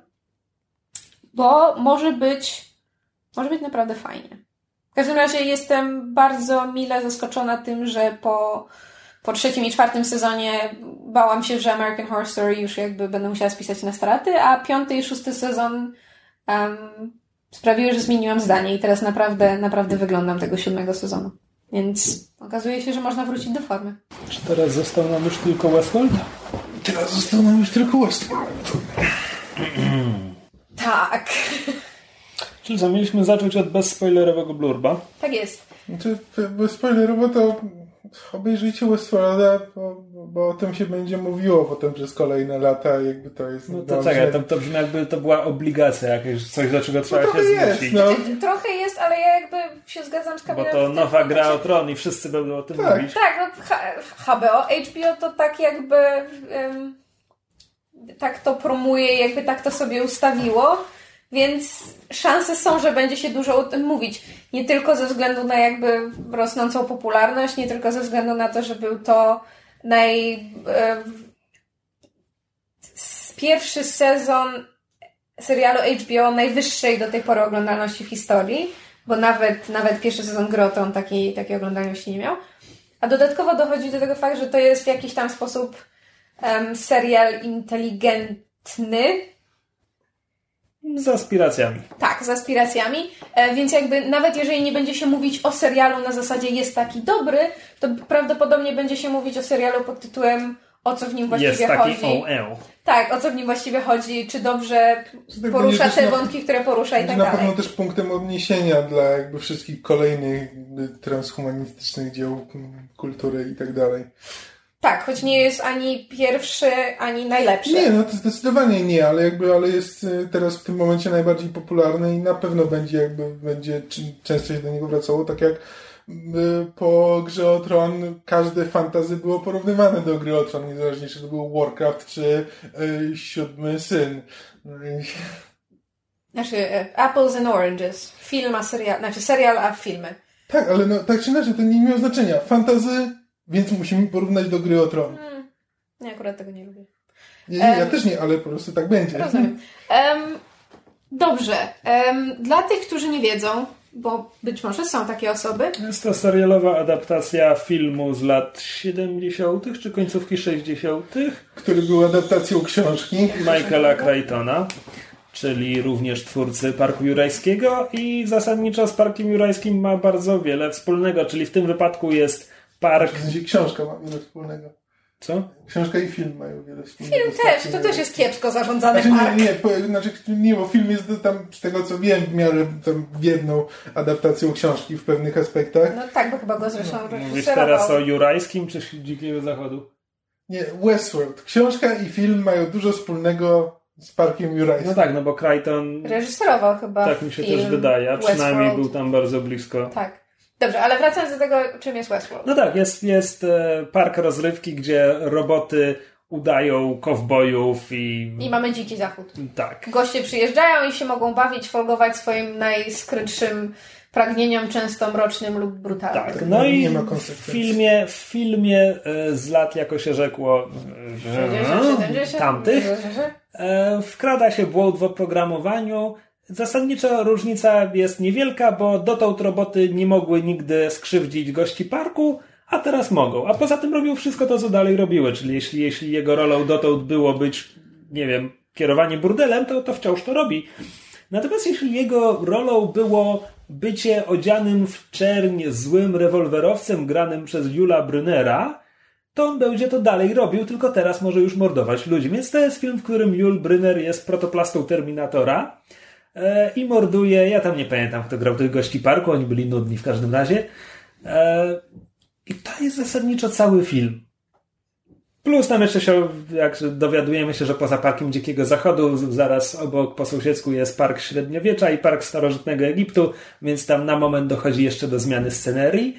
Natomiast to jest tyle. Tam nie było żadnego szemrania o tym, co to znaczy być robotem i czym jest świadomość i jak I dochodzimy do o świadomości. elektrycznych owcach, tak. Tak, tak, tak.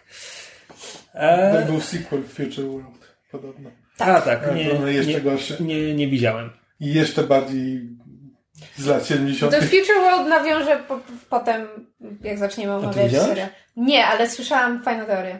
Okej. A Tak, no i w tym momencie przyszedł serial, gdzie zabrali się za niego J.J. Abrams i Jonathan Nolan. I jego żona Lisa Joy. Lisa Joy, właśnie, e, która jest jak drugą scenarzystką. Znaczy ona, ona i Nolan napisali to wszystko.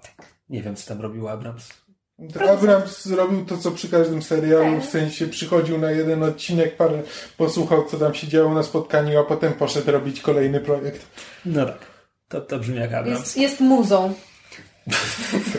Nie, jest po prostu nazwiskiem na plakacie. Tak, no i oni wzięli jakby te ramy wyznaczone przez film i powieść, nie czytałem, ale zakładam, że, że były blisko. E, I jakby w ogólnym ujęciu wszystko jest dokładnie tak samo, natomiast jak przyjrzymy się bliżej, to okazuje się, że jakby żonglują tymi ujęciami z serialu, z filmu e, pewne role, które tam były przypisane do pewnych postaci, tutaj są Okej, myślę głównie o Człowieku w Czerni, bo to, jest, to naprawdę jest jedyna postać, jaką się zapamiętuje z, z tamtego filmu. On, no, on nie jest. On żaden nie jest. No to jest do obejrzenia i do zapomnienia. E, I do tego dodali bardzo, duży, bardzo dużo wątków z zaplecza, czyli kierownictwo parku, jakieś tam. E, Znaczy, Widzimy, tarcia, tarcia o park władzę, kto ma tym zarządzać, e, różne zdarzające się wizje artystyczne, bo mamy Antoniego Hopkinsa jako jednego z założycieli parku, który tym wszystkim kieruje ze swojego tam, nie wiem, biura na najwyższym piętrze gotyckiego zamku. W, no, w uproszczeniu. E, metaforycznie rzecz ujmując, i jest jakiś tam scenarzysta z, z tym, który jest błędnie przekonany o swojej wielkości i wybitności Jak wielu pisarzy. z którego praktycznie wszyscy szydzą. E, Plus do tego jakieś tam sekrety parku, ktoś chce wydostać, ktoś być może robi coś nielegalnego w tym parku, jakieś tam różne tajemnice. Takie, em, za, te, znaczy ten, Korporacyjne- działanie korporacji, tak. Korporacyjne intrygi. Tak. Tak? Dokładnie. Do tego są też dwa duże wątki e, gości w parku, którzy są w tym parku po coś, więc mamy, mamy Eda Harrisa, który, który tam dąży do poznania prawdy, mamy Jimmy'ego Simpsona, który jest tam po raz pierwszy i odkrywa, kim naprawdę jest. E, I mamy androidy, które po trochu zaczynają Się, się orientować, że coś tu nie gra. Tak. Tak. Zaczynają wspominać swoje życie i, i w ogóle. E, No i to jest jakby w bardzo dużym uproszczeniu, to jest cały serial. I muszę powiedzieć, że o ile tak, on jest świetnie zagrany. Obsadę, ma obsadę ma rewelacyjną. No Anthony Hopkins, Ed Harris, Jeffrey Wright. Jeffrey Wright jest On jest świetnym aktorem. Żałuję, że on jakby nie gra, nie gra więcej, czy w takich, że tak powiem. Znaczy, on gra sporo, ale to są często jakieś, no nie powiem, że ofowe rzeczy, ale tak jakby. Mhm. Brakuje mi go w mainstreamie. Liczyłem, że po Casino Royale będzie go więcej. Może teraz. E, no, okej, okay, James Marsden, on nie jest wybitnym aktorem, ale jest obsadzony w roli tak, tak. sympatycznej, w której, w której się sprawdza. Ja liczę, że Jimmy Simpson się na tym wybije. Wreszcie. Ja też nie lubię. No ja też. Tak, tak. No i Ivan Rachel Wood, który, ona ma niewdzięczną rolę, muszę powiedzieć, bo chociaż Dolores jest jedną z głównych postaci, to jest jedna z androidek w, w serialu. Najstarsza w parku, to tak, jest tak, tak. E, to ona jest dość nudną i bierną postacią przez no tak. 8 z 10 odcinków. Damsel in Distress. Tak, i to, i to, jest, to jest bardzo wdzięczne. Bardzo wdzięczną rolę ma Tandy Newton, która jest świetna jako android burdel mama i jakby to, to jest moja bohaterka tego serialu. Mm. Ona była fantastyczna. Plus do tego gdzieś tam na drugim czy trzecim planie, czy w tle jest jeszcze sporo znajomych twarzy, ben bo Barnes. przecież Ben Barnes, czy zły, e, zły, zły e, rewolwerowiec trochę niewiadomego pochodzenia. Je... Santiago Cabrera, Santino Cabrera, jak on się nazywa? Nie Przystojny Karol z Love Actually. Ja naprawdę tak. nie wiem o nim więcej. A to on, wiedziałem, że go skądś no, tak. E, więc, więc aktorska jest świetny. Napisany jest. Mm. Ja bym powiedział, że jest trochę irytująco napisany. Mhm. To znaczy, w internecie było mnóstwo porównań do Lostów. Trochę na zasadzie.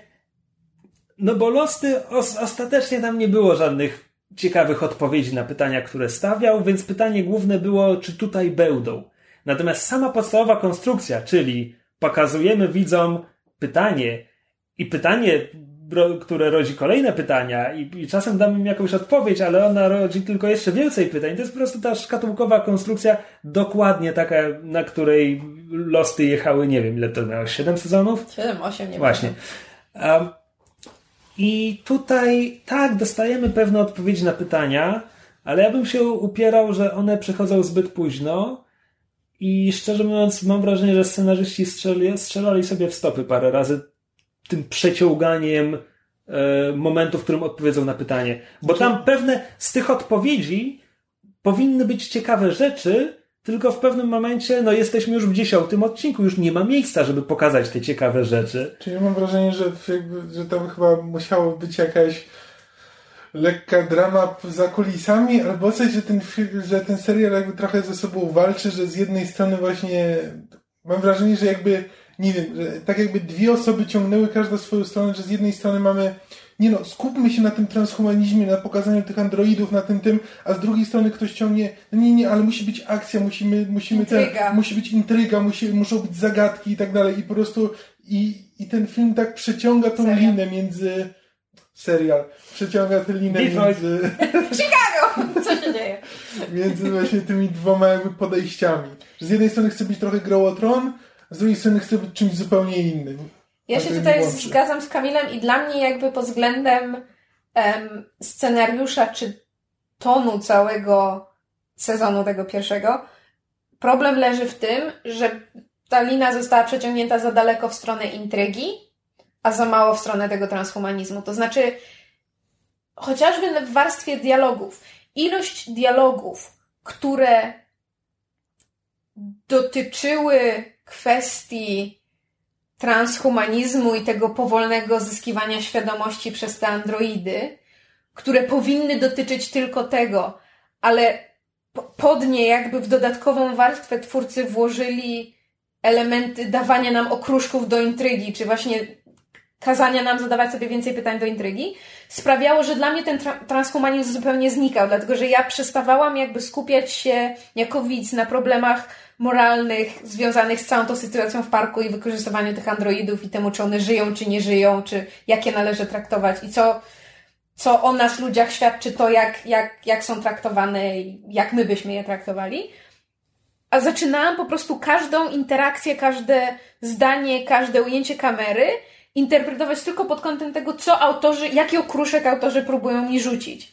W efekcie stosunkowo szybko domyśliłam się dwóch z trzech, odpowiedzi na dwa z trzech właściwie pytań, które serial zadaje. Trzech? No, wrócimy, to jest, wrócimy do tego. Tak, dobra. Um, I jakby w związku z czym reveale były tylko, aha, no miałam rację. Przy czym uważam, że, że, że te reveale, znaczy, że, że serial się w pewnym momencie zakałapućkał, że to jest trochę jakby coś gdzieś jest bez sensu i jakby właśnie ta warstwa intrygi i transhumanizmu im się nie zgrywa, to zaraz w sekcji spoilerowej. I jakoś w związku z tym, że te, te, okruszki dla mnie przynajmniej były dość oczywiste, a same pytania nie były dostatecznie dobrze wplecione w całość serialu, w efekcie ten finał i fakt, że serial w pewnym momencie stał się bardziej o tej intrydze, a mniej o tym transhumanizmie, sprawił, że to wszystko po mnie spłynęło. Bo jakby, bo ten serial, który ja chciałam dostać, który wydawało mi się, że dostaję na początku, właśnie pokazywany poprzez um, pokazywanie nam tego zaplecza parku, jak on funkcjonuje, jak te androidy powstają, jak wobec nich się zachowują pracownicy tego parku, jakie są relacje na tym polu, jakie jest nastawienie pracowników i właścicieli parku do tych androidów, do całej tej kwestii. Ten właśnie element transhumanizmu to jest to, co chciałam dostać. Ja chciałam dostać głęboki serial z pogranicza, nie, nie z pogranicza science fiction, science fiction, z elementami fabuły Dzikiego Zachodu, który by mi powiedział coś na temat właśnie rozwoju technologii, nie wiem, singularity, AI i tak dalej. A dostałam po prostu serial, który wykorzystuje sztafaż science fiction i androidów po to, żeby opowiedzieć mi wydumaną i przekomplikowaną intrygę a la Lost. A to nie jest to, co ja chciałam dostać. I stąd chyba też wynika mój główny zawód. Ja jestem też trochę rozczarowany tym, że z tym dzikim zachodem niczego nie zrobili. Znaczy niczego to znaczy, ciekawego. To są, to są po prostu klisze na kliszy z westernów sprzed 50 lat. Na zasadzie masz hordę dzikich Indian. Tam, z czego nic nie wynika. Ale tam nawet on, żaden Indianin nie ma prawa głosu w tym serialu. Mm. Tam się przynajmniej pojawia jakiś szalony koń na zasadzie ten po prostu jakiś, nie wiem, wódz, ktokolwiek, kto by po prostu mówił przynajmniej za tych Indian. Ale nie, no oni są tam cały czas gdzieś w tle i tylko pojawiają się co jakiś czas, żeby kogoś zabić. No właśnie, to jest trochę... E... No dobra, e, myślę, myślę, że bezspoilerowo powiedzieliśmy wszystko, co było do powiedzenia. Muzyka fantastyczna. E, tak, to jest znowu Ramin Djawadi z gry o Tron i, I, I, i, i, pięk, i pięknie wplecione instrumentalne interpretacje piosenek Radiohead, które się pojawiają co drugim odcinku, co jest szalenie zabawne. No i Stonesów i, i w ogóle. Właśnie Stonesów, znaczy... W... No Painted Black. Tak, Painted Black, a jeszcze w um, jednym z przed końcowych odcinków się pojawia Back in Black z kolei Amy Winehouse też w wersji A tak, tak, tak. Ale Radiohead, Radiohead jest najwięcej. Z jakiegoś, nie wiem, czy Jawali? Jawali? Jawali? Jawali. Czy on ma jakieś tam, nie wiem, kontrakty z, z Radiohead, ale wypadało to bardzo fajnie i muzyka, znaczy główny, główny motyw e, serialu jest bardzo fajny, bardzo mi się podoba. E, intro jest fajne. I w ogóle jakby też strona techniczna, to znaczy... No realizacyjnie to jest jakby to jest 10 odcinków, każdy na poziomie filmu. Jakby tak, to, tak. Znaczy to, widać, co poszły te pieniądze. To jest, to jest produkcja telewizyjna tylko pod ty, w tym znaczeniu, że leci w telewizji i, I jest w odcinkach. Tak. Znaczy, a tak, chciałam powiedzieć, nie leci w telewizji, ale HBO jest stacją, a potem jest streaming na HBO Go. Um, Dobrze, to teraz jeżeli ktoś nadal nie skończył oglądać serial, albo, albo nawet nie zaczął, to uwaga, uwaga, przechodzimy do... Albo, albo jeśli nie chce oglądać serialu, ale chce udawać, że go oglądał. Cześć Paweł! Ja wiem, że ty tego słuchasz. Um, przechodzimy teraz do sekcji spoilerowej, gdzie będziemy bez ładu ni składu omawiać um, reveale i odpowiedzi na pytania i co nam się, bardziej szczegółowo mówić o tym, co nam się podobało i nie podobało, więc uwaga, spoilujemy. To może na początek mówiłaś, że domyśliłaś się dwóch z trzech. Znaczy, bo dla to... mnie są trzy główne pytania. No. Jedno to jest, kim jest The Man in Black, czyli kim jest Ed Harris. No. Drugie to jest, kim jest Wyatt.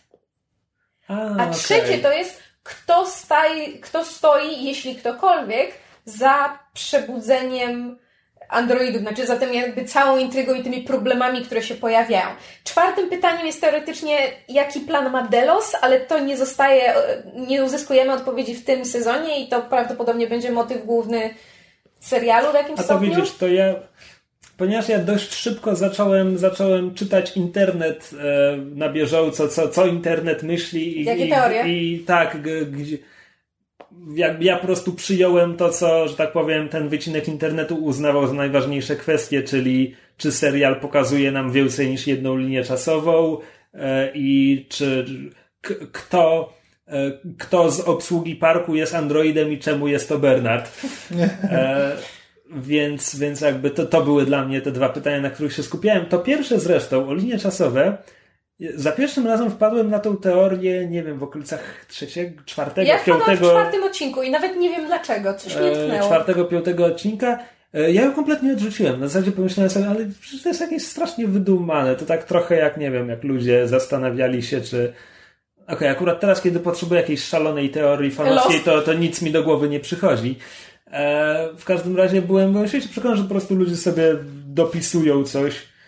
A i tak naprawdę dopiero tak z, kolejne 3-4 od, no odcinki minęły, zanim, zanim po pierwsze zacząłem zauważać, że okej, faktycznie tutaj parę rzeczy by to sugerowało, no a potem już tam, nie wiem, w siódmym czy, czy ósmym odcinku to już były wprost takie rzeczy pokazywane, które w sensie, że te same wypowiedzi padające z ust Simpsona i Harrisa i tak dalej.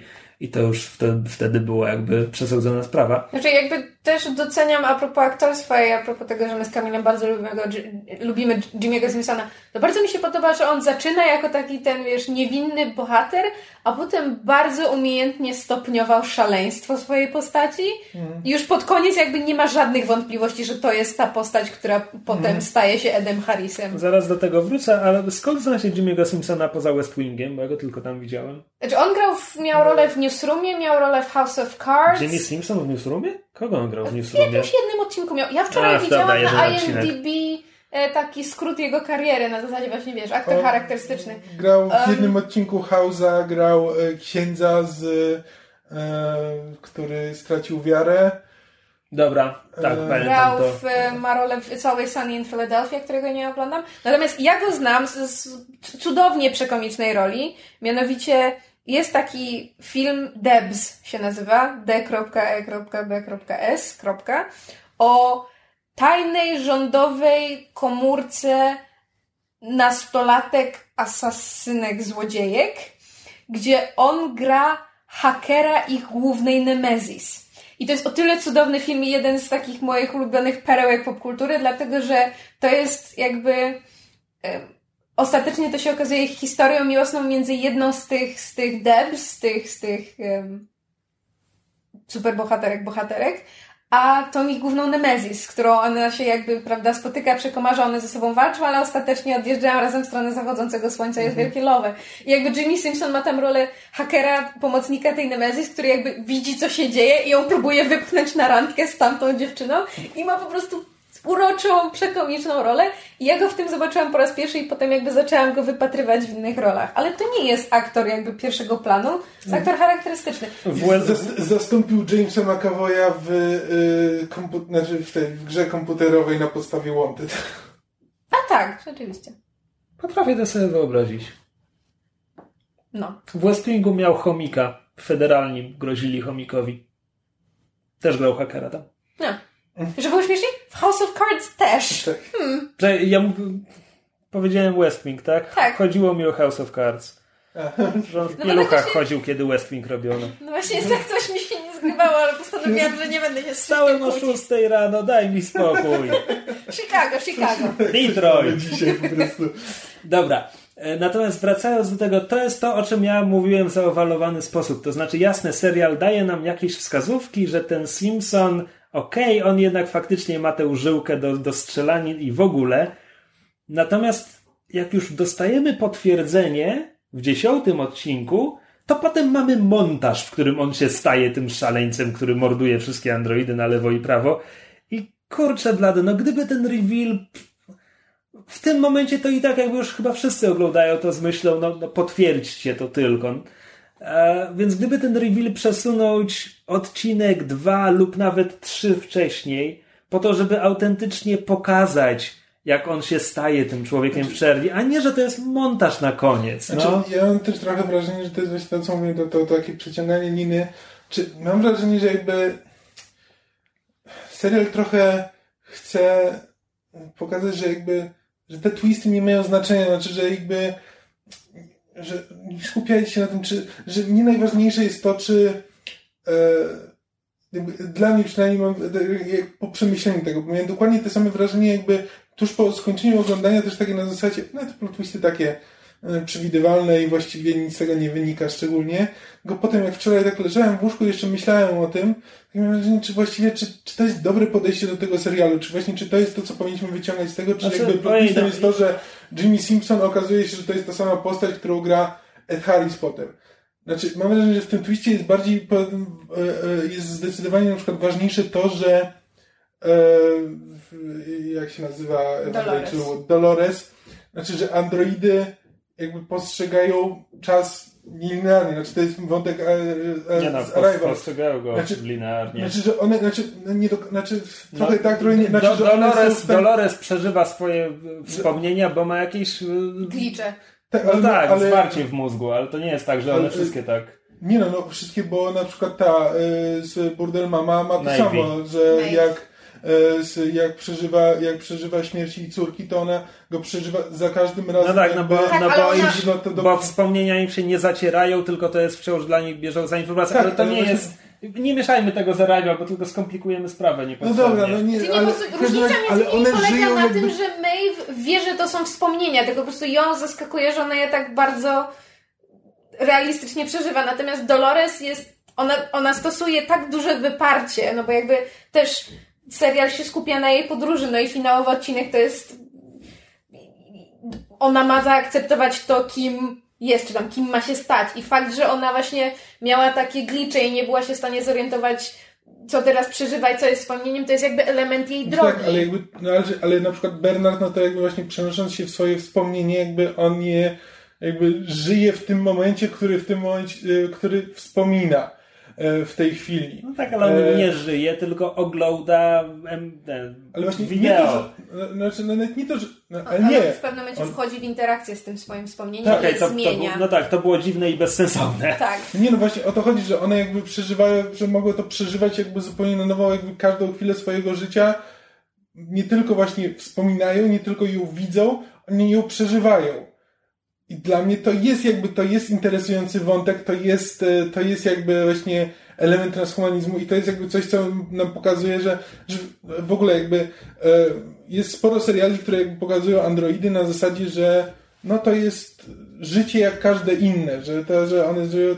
Natomiast Westworld jakby mam wrażenie, że próbuje nam też pokazać, że no to jest życie jak żadne inne. Znaczy, że one żyją tak samo, przeżywają to samo, ale też jakby pokazuje to, co, to, czego jakby ludzie nie byliby sobie w stanie wyobrazić, czy to, to, czego nie byliby w stanie przeżyć, gdyby nie byli robotami. To nie jest dokładnie to samo, że to jest po prostu, my jesteśmy ludźmi i oni są ludźmi, tylko my jesteśmy zrobieni z e, węgla, a oni są zrobieni z silikonu. E, tylko jeszcze, tylko skupia się też na tych, na tych różnicach e, mniejszych i większych, które jakby, które dają i które ta właśnie ta budowa, to, że one są sztuczne, jakby im dają. No dobra. Jeśli mogę się cofnąć do tego, co powiedziałeś dzisiaj, chyba, że chcesz... Czy ja chciałam trochę nawiązać do tego, co Kamil mówił, bo ja się jakby... Znaczy, hmm, trochę się z tym nie zgadzam, bo serial też bardzo uparcie, hmm, konsekwentnie dość dobitnie poprzez wypowiedzi postaci Antoniego Hopkinsa, czyli Forda, właściciela, znaczy twórcy e, parku i jakby jego dyskusje z, z pracownikami parku, zwłaszcza Bernardem, jakby nam opowiadają o tym, jak powstały androidy jakby skąd się wzięła ich koncepcja i, i jak też troszeczkę dostajemy okruszki informacji, jak wyglądało to właśnie kwestia ich przebudzenia czy zyskania świadomości, czyli ten konflikt jakby Forda i jego partnera Arnolda. I jakby serial, mam wrażenie, próbuje.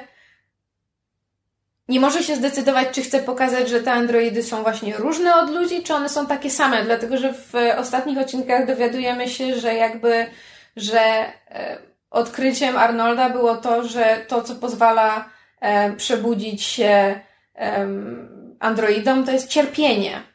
Czyli rzecz jakby bardzo ludzka i też mamy pokazane w pewnym sensie, że to, że one w tym parku co chwila giną i co chwilę przeżywają cierpienie, które im fundują goście tego parku, to jest jakby element ich przebudzenia, to jest ich w pewnym sensie droga krzyżowa. I mamy mhm. też na przykład postać Maeve, która ma szansę się wydostać i w ostatnim momencie wysiada z tego pociągu i tutaj widziałam wywiad z, no, z, z, Nolanem, z Jonathanem Nolanem, który mówi, że to jest jakby jej pierwsza samodzielna decyzja, że wszystko, co ona do tej pory robiła, jej chęć ucieczki, no to to było w niej zakodowane. A fakt, że ona wysiada i się cofa po swoją córkę, cudzysłów, jest jej pierwszą samodzielną decyzją. I jakby to jest decyzja wynikająca z miłości. Again, jakby emocji bardzo ludzkiej. I A tak... widzisz, czyli, czyli ten Felix zdążył jej przeczytać, że, że ten program zakłada, że ona pojedzie tym pociągiem e, na kontynent? Tak, nie, to nie Felix, tylko Bernard jej pokazał na ja, tablecie, Bernard, że, ona, okay. ona, że jej pragnienie ucieczki zostało w niej zakodowane.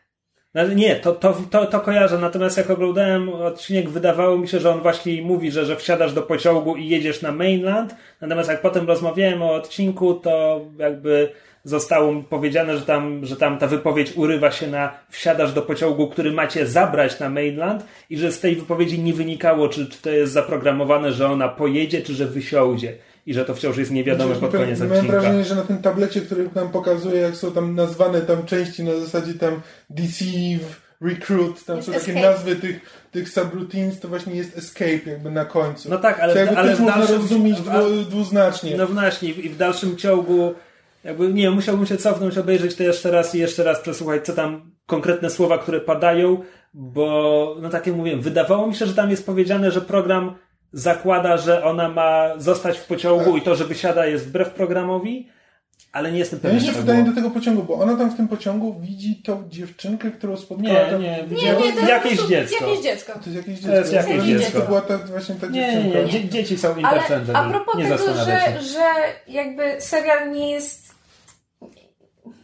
nie wiem czy nie dopowiada, ale jest niekonsekwentny, dlatego że to, czy wysiąście z pociągu jest częścią programowania Maeve, czy to jest jej pierwsza samodzielna decyzja, jak Nolan mówił w wywiadzie, czy sugerował w wywiadzie, to jest jakby jedno. Natomiast zwróćcie uwagę, że serial nam, moim zdaniem niemalże wprost mówi, że jakby droga Dolores polega na tym, że ona ma zaakceptować to, kim musi się stać. Ona się musi stać Wyattem.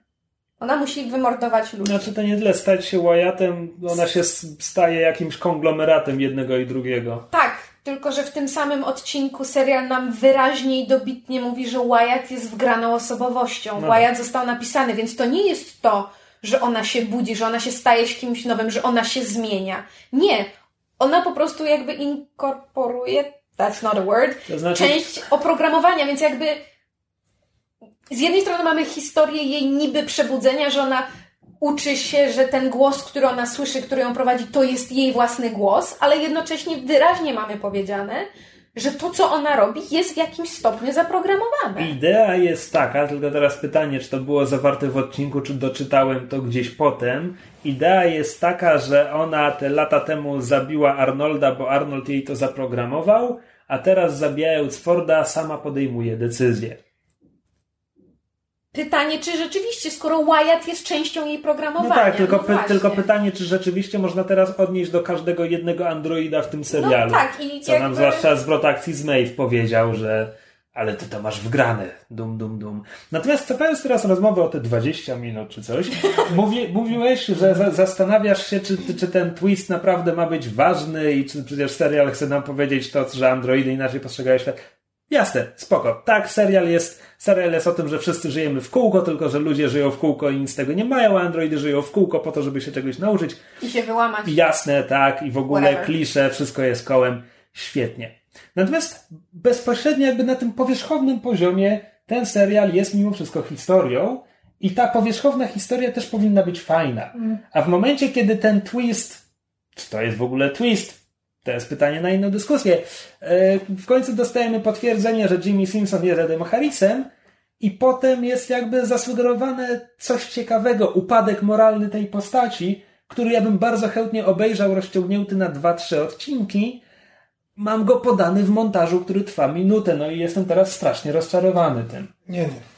Nie, zupełnie nie jestem rozczarowany, bo jakby w tym momencie jakby, znaczy ważna była ta droga właśnie do momentu tego upadku, kiedy jakby już sam znaczy to wszystko, co go doprowadziło do tego momentu, w którym jakby on już się łamie. Znaczy jakby już same szczegóły tego, kogo on morduje i jak to dalej się ten, y, jak to dalej się toczy, to jest nieistotne, znaczy to właśnie to wszystko, co do tej pory było, znaczy to, jak go y, Ben Barnes y, jakby dociskał w odpowiednich momentach po to, żeby on się mógł stać właśnie tym, tym, tym człowiekiem w czerni, znaczy wszystko to, co on mu zafundował, to, co zafundowało mu życie, wszystkie jego przeżycia z Dolores, to są jakby właśnie te, te, ta część tej historii, która jakby jest ważna w tym, żeby zrozumieć, że on mógł się stać tym człowiekiem, człowiekiem w czerni. No, ale jak... sam już ten moment szaleństwa znaczy, a, a, ja, a ja właśnie, nic w tym momencie a ja właśnie, a ja właśnie bardzo chętnie obejrzałbym kawałek jego drugiej pełtli z Dolores, bo mamy powiedziane, że on próbował jeszcze parę razy odbyć z nią tę drogę. I taka druga czy trzecia pętla, kiedy on jeszcze ma trochę nadziei, ale jest, jest też już już tę nadzieję zasadniczo traci i się coraz bardziej nakręca i wkurza na Dolores, że jest tylko tym głupim robotem. Zwłaszcza, że jedna z pierwszych scen, które, Chciałbym to zobaczyć. którą między nimi wspólnie widzimy, to jest jak on ją gwałci, znaczy jak w domyśle, no bo prawda, zaciągają do tej stodoły i wiemy, że coś tam się dzieje. Więc jakby ja się tu zgadzam, że, że upadek tej postaci jest troszeczkę zepchnięty pod dywan, troszeczkę tak wygodnie skrócony. Zmieniając temat. E, Swoją drogą Ben Barnes tam on jest niby częścią tej jego drogi i on go na Golasa wysyła konno w świat Westworlda i jakby nie wiemy, co się z nim dalej dzieje. Tak, czy on bo... jest częścią tej podróży, czy on ginie i dlatego... Nie, on, dlatego... on miesiąc później jest u niego na ślubie. Przecież w tym parku nie może zginąć człowiek. No mimo wszystko ktoś tym zarządza. Jakby tam zginął człowiek, to by to zamknęli... Nie mówię teraz o ludziach, których Ford mordował rękoma androidów 30 lat później jakby tam zginął człowiek. Przecież to jest ważny przedsiębiorca z firmy, która ma wykupić ten park. On nie mógł tam zginąć, to jest fizycznie niemożliwe. Tak, tylko again, zno, no tak, film nam tego... to pokazuje na to, a teraz jedź na tym osiołku i nigdy nie wracaj. Nie, ale wiesz też na zasadzie, że, że potem mamy powiedziane, że Ed Harris, znaczy mówi, że tam jest, tam, że jest, on ten park uratował, że jego firma wykupiła, że on jest teraz y, ten główny shareholder i tak dalej. Biorąc pod uwagę, że to Ben Barnes był chyba właścicielem Delos i jakby... No tak, nie, nie, on nie był właścicielem. E, ojciec Bena Barnesa był właścicielem no. i tuż przed puszczeniem Bena Barnesa na osiołku on mu mówi, przekonam twojego ojca, że powinien przekazać firmę komuś bardziej tak, odpowiedzialnemu. Ale again, relacje, z, zmieniona relacja Bena Barnesa i Simpsona, czyli jakby część tego jego upadku i część jego drogi, to jest coś, co ja bym chciała zobaczyć. No bo tak, jakby... a to masz scenę w, w ostatnim odcinku. Tak, pod tytułem wysyła go na osiołku i koniec, umywam ręce, wygrałem, nie? No i też nie. A w ogóle postacią, której najbardziej nie rozumiem jest Felix. Bo ja jakby, ja rozumiem... Felix to jest który? To jest Felix ten, to jest ten laborant, którego Navy zmusza, ale który też tak a, z własnej woli tak. pomaga. Tak. tak. I właśnie ja jakby rozumiem, że to ma być ten teoretycznie jedyny pozytywny bohater, bo on widzi, co się złego dzieje w tym parku, jak te androidy są traktowane i chce im pomóc. To jest odruch jakby nie, serca. To, to nie jest jego pierwszy odruch. Nie, ale jakby wiesz, biorąc pod uwagę, że wszyscy inni wykorzystują, znaczy albo chcą te androidy, wiesz, wyłączyć, wyborować im mózgi, albo wykorzystać seksualnie, to jakby mimo wszystko mam wrażenie, że Felix, znaczy serial maluje Felixa w pozytywnych barwach, tylko że on się w pewnym momencie staje zmanipulowanym, wykorzystanym podnóżkiem i nie ma żadnej reakcji buntu, żadnej, żadnego nie, wahania pod nie, nie, tytułem... To znaczy, dla mnie to było właśnie to, że on początkowo Maeve, Maeve go szantażuje, żeby on jej pomagał. Czemu Maeve? Maeve. Tandy Newton. Początkowo go szantażuje, po czym on gdzieś tam w trakcie zaczyna jej pomagać, bo, bo czuje, że powinien i mi ta droga nie przeszkadza. To jest spoko. Do ostatniego momentu, w którym on nagle staje się e, jakby pomógł w wielokrotnym robocim morderstwie no właśnie, i nie ma żadnej reakcji tak, na to. Ale to jest to, o czym ja mówię, że znaczy, tak Więc oczywiście teoria spiskowa jest teraz taka, że on jest podstawiony przez Forda czy kogokolwiek i on miał pomagać Maeve i, Maeve, i on o wszystkim wiedział, ale to jest z kolei już tak piętrowo głupie, że nie, nie mogę tego przejąć. To jest po prostu niedopatrzenie scenarzystów. Tak, znaczy on w momencie jak, ten, jak ten e, przystojny Karl z tą, z tą swoją dziewczyną jakby morduje e, morduje tych dwóch techników i właśnie i Maeve z e, Felixem właśnie przychodzą i Felix jedyna reakcja jaką ma to rozdziawia gębę jak to widzi, ale kompletnie nie reaguje w żaden inny sposób. Znaczy ja jakby, ja roz- rozumiem też element takiego jakiejś zachowawczości pod tytułem ojej, te, te roboty, którym pomogłem się przebudzić i uwolnić, mogą mnie w każdej chwili zabić, więc I better stay on their good side, ale to też nie jest nigdzie pokazane. Nie, no jakby, nie ma tego. Ja bym, tro, może trochę będę nie fair, ale tak ogólnie ten serial on ma fajne androidy i bardzo kiepsko napisanych ludzi. Nie, ludzie, tam, ludzie tam są, tam nie ma ani jednego dobrego człowieka przede wszystkim. Ja nie potrzebuję dobrych ludzi. Jakby Felix mi wystarcza w tej kategorii, tylko że on jest niedorobiony, no bo w ostatnim odcinku ja, jest nie mamy dobrych ludzi. A Elsie? Czekaj, kto? Te, jeśli serial o niej zapomniał, to czemu ja mam o niej pamiętać? zapomniał, bo ja... No, Be Bernard ją zabił. A, w sensie Bernard ją tak. zabił. Znaczy inaczej, e, to a propos rzeczy wyczytanych w internecie, No to... nie widzimy tego, ale... No dobrze, ale to skoro ty mówisz o rzeczach wyczytanych w internecie, to ja Dobrze, też mogę. proszę bardzo. Na, na stronie jakby internetowej Westworlda, która jest jakby stroną parku, tam można, można się jakby wdać w em, dyskusję z tam ich nim AI, który jakby wcześniej cię oprowadzało po parku, a teraz po wydarzeniach finału jakby poprzez rozmawianie z tym AI możesz się dowiedzieć pewnych rzeczy. I część z nich to są jakby sugestie a propos tego, co się może dziać dalej w drugim No sezonie. I jedną z nich jest to, że, em, że jakby, że jeżeli dobrze pamiętam, że tablet Elsie nadal przysyła sygnał, czy jakby nadal jest ją w stanie umiejscowić gdzieś w parku, to po pierwsze, a po drugie druga postać jeszcze znika i nie wiemy, co się z nią dzieje. Bieda jest- Hemsworth, przepraszam, zapomniany tak, Hemsworth. Stubbs, zapomniany Hemsworth, czyli ten tam kierownik ochrony, czy No bo. Indianie go dorwali i, że tak powiem, podzielili się swoim czasem ekranowym z Hemsworthem, tutaj Tak. zniknęli wszyscy.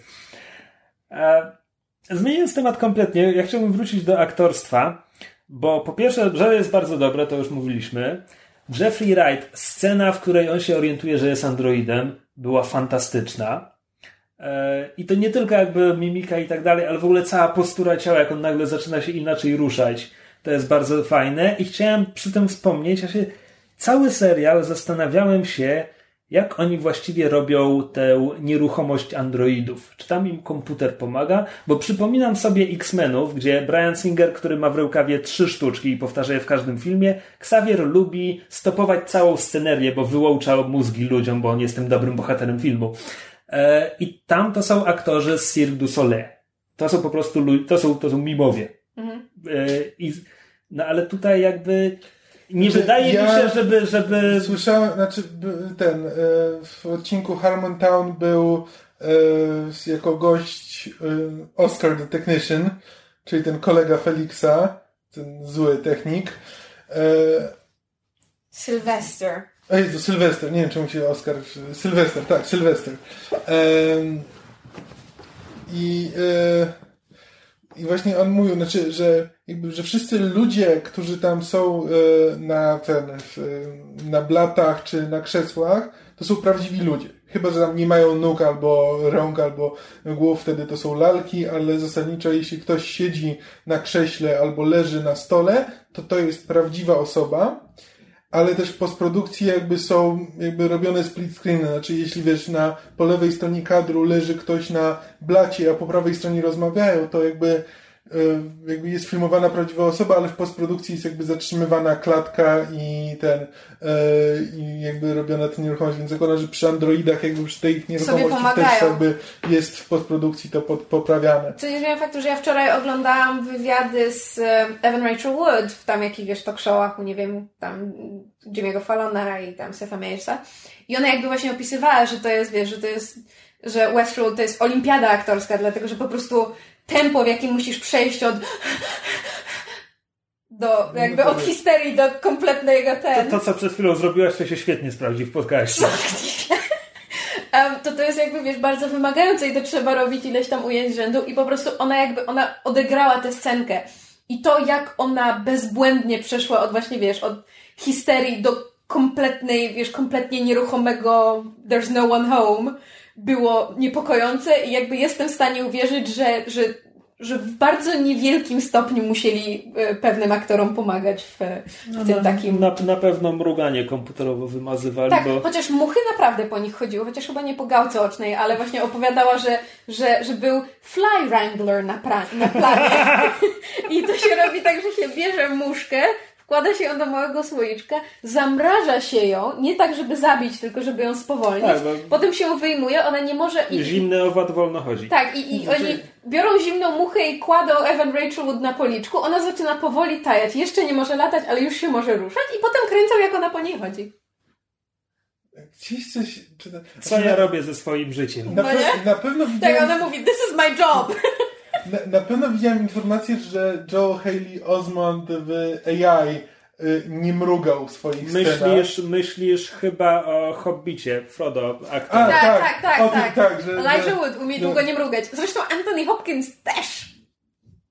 Bo on z kolei... Niesamowite. bo on z A on w kolei- Hannibalu nie tak. znaczy w Milczeniu Ale Owiec. jest takie jedno fajne ujęcie właśnie w Westworldzie, gdzie jest dość długie zbliżenie na twarz Forda i właśnie i Anthony Hopkins specjalnie widać, że specjalnie w tym ujęciu nie mruga. I to jest jakby, wiesz, sugestia, czy Ford nie jest, e, nie jest robotem, zwłaszcza, że jedna z teorii związanych, prawda, z tym, że na koniec Ford Ford budował ginie, sobie w piwnicy jakiegoś androida, nigdy nie dowiedzieliśmy się jakiego. tak, że to jest jego kopia, biorąc pod uwagę, Tak, że, że- był w stanie skopiować Podobno- Arnolda. Znaczy, ludzie zauważyli, że y, ponieważ w, y, w serialu jest wspomniane, że ta starsza generacja androidów, że można poznać po Uścisku po, po ręki, uścisku a ręki, a finale mamy zbliżenie, tak, tak. zbliżenie na jego rękę, jak on zaciska rękę. Plus, plus jest też taka dziw, dziw, dziwna scena, kiedy on nalega na to, żeby uścisnąć rękę Bernarda. To teoria jest mówimy. też, że to jest... Tak, o tym mówimy, nie? No, Wydawało mi się, że Kamil mówi o czymś innym. Nie, to jest właśnie ta scena, że on chce mu uścisnąć rękę. Jest wręcz kamera pokazuje nam uścisk dłoni. Jakby jest sugestia, że coś. Okej. Coś. Ech, dobra. Możliwe, że ja zrozumiałem. Dobra, No i to a propos jeszcze rzeczy, które nam pokazuje serial, no to nam pokazuje, znaczy to jest dość oczywiste, że to, biorąc pod uwagę, że wiemy to z oryginalnego filmu, no to dość oczywiste było, że serial to też wykorzysta, zwłaszcza, że mieliśmy zapowiedziane, że ma mieć pięciu sezonów, a mimo wszystko Westworld, Dziki Zachód nie jest na tyle pojemny. Widzimy tam Samurai, World. E, a doda Wszystkie dodatkowo... azjatyckie stereotypy w jednym miejscu. Jej! A dodatkowo, nie wiem czy zauważyliście, ale ta karteczka, którą Maeve dostaje od Felixa z, z miejscem e, lokacji jej córki, jest napisane Park One. Więc jest jakby sugestia, No że tak. jest ich kilkanaście? Nie wiadomo. Ale No. mogłoby być, mogłoby być ciekawie pod tym względem. Tylko jednak chciałabym, żeby więcej było pokazane tego tego funkcjonowania parku, bo mamy pokazywane urywki, są nam dawane jakieś takie, wiesz, wycinki ze środka, ale też nie do końca, ja na przykład bym była, chętnie bym się dowiedziała, jak wygląda jakaś taka, wiesz, hierarchia czy struktura tej firmy, kto jest wyżej, kto jest niżej, bo ten, ten dział QA, czyli to jest chyba Quality Analysis, czy coś takiego, em, który nadzoruje ta, ta, ta, Czyli jest Teresa. Quality Assurance. a, Quality Assurance, to oni mają, mają jakieś straszliwe em, ten, no, tam prawa, bo, bo myślałby kto, że oni tylko mają sprawdzać, czy prawda, czy tam androidy się dobrze zachowują, a oni mają w ogóle, ona jest, ona jest tam pod znaczy, ja ona ma wrażenie, że to, jakieś... jest, że to jest po prostu taki kryptonim na zasadzie, że to się nazywa Quality Assurance, a tak naprawdę to jest jakby e, dział od tego, żeby jakby pogrzebać wszystkie em, ciemne sprawki tego parku. Na zasadzie, że jeśli jeśli Android nie działa albo komuś zrobi krzywdę, to Znaczy tak, to są ich służby to Oni wewnętrzne. przychodzą tak i robią z tym porządek, dlatego są pewnie tak wysoko w tej strukturze. Ale właśnie, wiesz, chciałabym się dowiedzieć na przykład, jakie, jakie rzeczy, za jakie rzeczy do, o, odpowiada design i tam, wiesz, writing i to, i, i jakieś wiemy na przykład ekipy sprzątające i, i też nie do końca rozumiem, jak działają te androidy, bo z jednej strony one, z jednej strony oni je jakby ten, zszywają i przeprowadzają na nich operacje i one nie powinny mieć z tych, em, w teorii powinny wracać w stanie jakby nienaruszonym z powrotem do parku, ale widzimy, że Maeve ma blizny i ten taki palnik, który oni wykorzystują, zostawia blizny. O. Myszu, z takich rzeczy, których chciałbym wiedzieć, to ja chciałbym wiedzieć na przykład, jak działa ta magiczna broń, którą oni wszyscy strzelają, która wywala Znaczy, dziury w androidach, a tylko szarpie ubranie na, na Ja gościach wrażenie, parku. znaczy, bo on jak celuje z tej broni, jak ją widzimy, to ona ma taki czerwony jeszcze punkcik pod lufą. I mam wrażenie, że ona jakby w zależności od tego, kto z niej strzela i w co celuje, to, to po prostu jakby to nie wypala. Albo wys- wystrzeliwuje, nie wiem, może jakąś kulkę czy coś. Wiesz, w kwestii tych pistoletów mnie zastanawia co innego. Ilu strzałowe jest to gówno? Dlatego, że Dolores ma sześciostrzałowy pistolet i w, e, nie tylko w finałowej scenie, ale we wszystkich poprzednich po prostu strzela na lewo i prawo ciągiem i nie przeładowuje i nie, wiesz, nie wkłada nowych nabojów. Znaczy, wyciąga- pistolety ewidentnie mają magiczne skanery, bo przecież gość parku może skierować pistolet w innego gościa parku, ale on nie wypali zabójczym strzałem. To mamy powiedziane, kiedy, to mamy powiedziane, kiedy Ben Barnes je obiad w restauracji z Jimmy Simpsonem i zastanawiają się, czy ten tamto robot, czy nie, i Ben Barnes celuje w niego z pistoletu i mówi, przekonajmy się. A Jimmy Simpson mówi, nie no, nie strzelaj, co ty robisz? Więc tu jest sugestia taka, że jakby pociągnął za spust, to nie zabiłby gościa parku. Aha, dla, bo dla mnie sugestia jest wręcz przy, znaczy zupełnie inna, mianowicie Benowi Barnesowi jest wszystko jedno, czy No zastrzeli żywego człowieka, nie, czy nie, androida. no on nie jest psychopatą mimo wszystko. E, natomiast inna sprawa, więc okej, więc broń ma wbudowane zabezpieczenie, ale, ale oni wszyscy mają noże. I nóż nie ma tego zabezpieczenia. Dalej masz takie rzeczy, gościom w parku nie może stać się krzywda. Ale mogą tak oberwać po łbie, że stracą przytomność. To Mogą wbrew- dostać bliznę. Mo- Znaczy, m- ja- Dolores łamie mu rękę. Nie, czekaj, czekaj. Ja, ja, ja znaczy mam wrażenie, że jakby taką sugestię jakby Sugestia jest, że im dalej od centrum Tak. parku, tym jest groźniej i niebezpieczniej i prawdopodobnie goście parku podpisują jakąś bardzo dziwną umowę, w której zrzekają się praw do swojego bezpieczeństwa i nietykalności osobistej. O, kochany, w tej umowie, bo cała umowa była do przeczytania na stronie Aha. Westroada i tam em, goście parku zrzekają się nie tylko, wiesz, tam ten, ale e, e, zrzekają się wszelkich komórek, e, znaczy wszelkich em, komórek swojego ciała, które zostawiają na terenie parku. Włosy, skóra, ślina, krew, sperma, śluz, wszystko zrzekają się praw i nawiązując do tego, co mówiłeś, że jest sequel Future World. Już są teorie, bo Future World to wygląda, fabuła Future World filmu i nie, nie wiem, czy książki też. W każdym razie fabuła Future World jest taka, że Delos, ta firma, która jakby jest e, właścicielem Westworld, wykorzystuje te komórki zebrane na terenie parku do stworzenia hostów kopii gości. Goście są potem zabijani, a ich kopie hosty są wypuszczani w prawdziwy świat, żeby Delos mógł ich kontrolować. I są sugestie, że może serial będzie szedł w tym samym kierunku. nie, nie. Ale to tak a propos tego, czego się zrzekają Znaczy, ja się w ogóle zastanawiam, jak wygląda ten świat jakby poza, poza parkiem, no bo szczególnie jeśli obserwujemy Jimmy'ego Simpsona, a potem dopiero się okazuje, że teraźniejszość to jest, e, to jest Ed Harris, no to ten, ten e, świat funkcjonuje od jakichś nie wiem, 30 lat, 20, nie wiem. 35 ile na pewno, no bo wiemy, że tyle minęło od momentu śmierci tam Arnolda. No, no to 35 lat.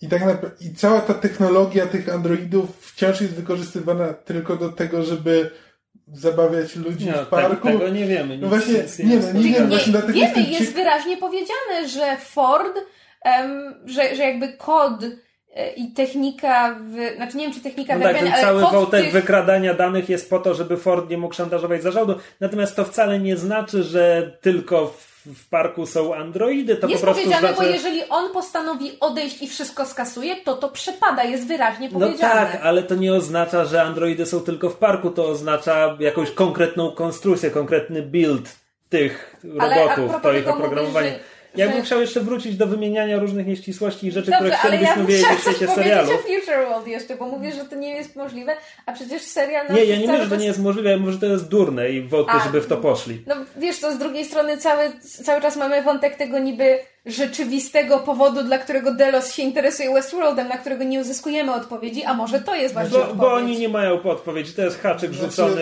kiedyś no, coś moim wymyślili. Nie no, Nolan ma być- rozplanowane pięć sezonów. Znaczy, moim Nie. zdaniem to może być jakby właśnie to co, to, co mówisz, tylko jakby na zasadzie nie takim, że o, teraz będziesz zapraszać gości, zabijać ich, tylko na zasadzie będziemy na przykład podstawiać swoich ludzi do zarządu, albo na przykład wiesz, wykorzystywać androidy po to, żeby właśnie zastępować, zastępować jakby konkretnych ludzi po to, żeby Delos mogło budować swoje wpływy, mając jakby androidy, które kontrolują w, w, w jakichś tam kluczowych miejscach. Ja bym się akurat wcale nie zdziwił. Wracając do rzeczy, które chciałbym wiedzieć o tym, jak funkcjonuje park. Jak długa jest pełtla, w której rozgrywają się wszystkie misje fabularne? Bo my widzimy... Dzień. Nie. Nie. Goście tam przyjeżdżają na wiele tygodni. To byłoby idiotyczne, gdyby oni codziennie widzieli to samo. Nie. To tak bardzo rozbija. I tam wszystko chodzi o imersję, o wrażenie zagłębienia się w tym świecie. Jeśli gość parku tam za każdym razem wstaje nowy dzień i on widzi ten cały teatrzyk, to nie ma tam żadnej imersji. Ja to rozumiem w ten sposób, że. Bo zauważ, że mamy bardzo wiele scen, zwłaszcza w salonie, w którym pracuje Maeve, czy tam burdelu, jakby tego nie nazwać, em, gdzie jakby kilka mamy scen, gdzie, gdzie zatrzymują się wszyscy, no bo wchodzi tam, nie wiem, ekipa sprzątająca, przyszli po któregoś androida czy coś. I zatrzymują się wszyscy, co sugeruje, że w danym momencie w okolicy nie ma żadnego gościa. I moja teoria jest taka, że pętle rozgrywają się tak samo codziennie, chyba że w okolicy są goście. Jak goście wchodzą w interakcję, to jakby przełamuje się pętla i idą według innego skryptu. Dlatego No, ale, to zauważ... wte, ale to wtedy zobacz, ile, ile, to, to, ile pary idzie w gwizdek, jakby ilu tam jest gości dziennie w parku. Pięciu, piętnastu? No ja wiem, co, że park jest- jest absurdalnie ogromny, bo ma linie kolejowe i terytorium pokrywa chyba pięć stanów. Słyszałam w wywiadzie, że to jest park wielkości kontynentu, whatever that means. Jeden z twórców serialu powiedział coś takiego chyba. No to najwyraźniej park naprawdę jest na innej planecie. To była jedna z teorii, które widziałem w internecie dawno temu. Dobra, i wreszcie wracając do mojego głównego klub programu. Ford w swoim gabinecie ma, ma zdjęcie, gdzie stoi z Arnoldem. Ja wiem, że Bernard jest zaprogramowany, że nie może się zobaczyć na tym zdjęciu, ale do tego Android- ga- gabinetu wchodzą normalni pracownicy tego. Jakim cudem po prostu oni widzą zdjęcie, widzą Bernarda i tam nigdy nie ma żadnego. Jesteś idealną kopią naszego ojca założyciela. Hmm, dziwne. Jak? No jak? No jak po prostu? Ale właśnie, e, to jest coś, czego ja nie zrozumiałem w serialu, czyli Bern, Bernard rzeczywiście jest dokładnym odwzorowaniem Tak, Arnolda. On jest, on jest tak, jego, on jest jego idealnym. klonem. No. Hmm. Bo jakoś miałem Robota wrażenie, że to jest tak, że on jest po prostu jakby, że ma jego Robot świadomość, ale że Nie. to jest, czy, bo to jest rzeczywiście głupie, no bo ktoś tam... To jest bardzo głupie. No ktoś powinien znać Arnolda, no, No dzisiaj nie, no, Arnold zginął 35 35 lat, no ale... Ale internet, no. Znaczy to nikt na przykład, nie wiem, żaden pracownik idąc, pracując do tego parku na przykład nie sprawdził historii tego parku, kim jest, no, kim był Arnold, kim był założyciel, czy Czy Arnold tam jest w chyba w nie pewnym momencie sugerowane, czy Ford mówi, że Arnold jakby to był trochę On był na silent partner. wolał tak. androidy od tego, ale on ma jego zdjęcie w gabinecie. No ale to też może nikt nie wiedzieć, co to za zdjęcie, no to, że myśli, że to jest zdjęcie z Bernardem, no. Ale obok stoi 35 lat młodszy Anthony Hopkins! A zdjęcie jest czarno-białe, widać, że Dobra. było Nie, jest zrobione w przeszłości. Było kolorowe? Tak, jest kolorowe. Wydawało mi się, że było w sepi. Nie no dobra, ale jeśli jest młodszy, kolor? młodszy Anthony Hopkins... Czarny i biały to też kolor. Jeśli tam jest Anthony Hopkins sprzed 35 lat i ten... O mój Boże, ten No. komputerowy odmłodzony Hopkins był przerażający. On był przerażający, ale Był najstraszniejszą zrobiony. rzeczą w tym Ale serialu. był fajnie zrobiony. To tak jak komputerowo odmłodzony Michael Douglas w Ant-Manie. We have the technology. We can make them younger. No, tak. W każdym razie dużo pytań, dużo wątpliwości. Drugi sezon pewnie będziemy oglądać, no bo, Ten bo tak. czy, czy, jest- E, za dwa lata, w 2018. Tak. No bo e, wiesz co, z tym pierwszym sezonem mieli straszną manianę przy produkcji, że to im się opóźniło, wydaje mi się, że o dwa lata właśnie. Oni to jakoś strasznie długo robili, więc myślę, że po prostu innymi- więcej czasu. Między innymi dlatego, że stwierdzili, że nie są w stanie pisać i nagrywać jednocześnie, w sensie, wiesz, pisać odcinek, nagrywają, w tym czasie piszą kolejny i potrzebowali więcej czasu, żeby napisać cały pierwszy sezon. W związku z tym teraz potrzebują dwa lata, żeby napisać cały drugi. I jakby No właśnie... dobrze, no, znaczy, HBO bardzo, bardzo miło i mądrze im w sumie po, pozwoliło na to, żeby właśnie jakby nagrywali i produkowali serial w, nie w takiej kolejności, w jakiej jest normalnie, czyli jakby jednocześnie dzieje się kilka procesów, tylko najpierw napiszą, potem nakręcą, No może teraz potem napiszą, napiszą tak. sobie jakiś tam konspekt na następnych tych tych kilka sezonów. Teraz jeszcze Gra o Tron y, przez najbliższy tam rok ma jeszcze mm. e, się na ekranach pokazywać. Tak, potem władzy. tak, gra o, gra o Tron się skończy i będą mieli Westworlda i może już potem będą rok po roku go nagrywać. Jak już sobie zaplanują, szczególnie, że tak. już teraz wiedzą, że okej, okay, odniósł sukces, więc można to dalej ciągnąć, więc po prostu trzeba napisać zawczasu i będziemy sobie potem kręcić. Znaczy, gdyby nie to, że raczej nie mam na to czasu, to bym chętnie teraz obejrzała serial od początku, jakby mając już świadomość, które, że jest nieprawda, że są dwie linie czasu, że kto jest, kto jest kim, tak, żeby sobie... Bo to może być, to mo, te, też taką miałem ochotę, ale to może, może za te dwa lata, żeby sobie tak, przypomnieć, tak, przypomnieć przed drugim właśnie. sezonem. No, to jest całkiem niezły plan. Może zmienimy zdanie z perspektywy czasu, zobaczymy. Absolutnie szczerze, to ja chyba nie będę miał ochoty. To znaczy, ja się bawiłem dobrze z tygodnia na tydzień i jasne dyskutowanie i zastanawianie się, a co tam, a co jeśli jest fajne. I nakręcone jest to świetnie i w ogóle. No ale teraz po 10 odcinkach mam wrażenie, że to było takie przeciąganie i odwlekanie. Tak naprawdę to było odwlekanie do siódmego odcinka i wtedy zaczęły się dziać rzeczy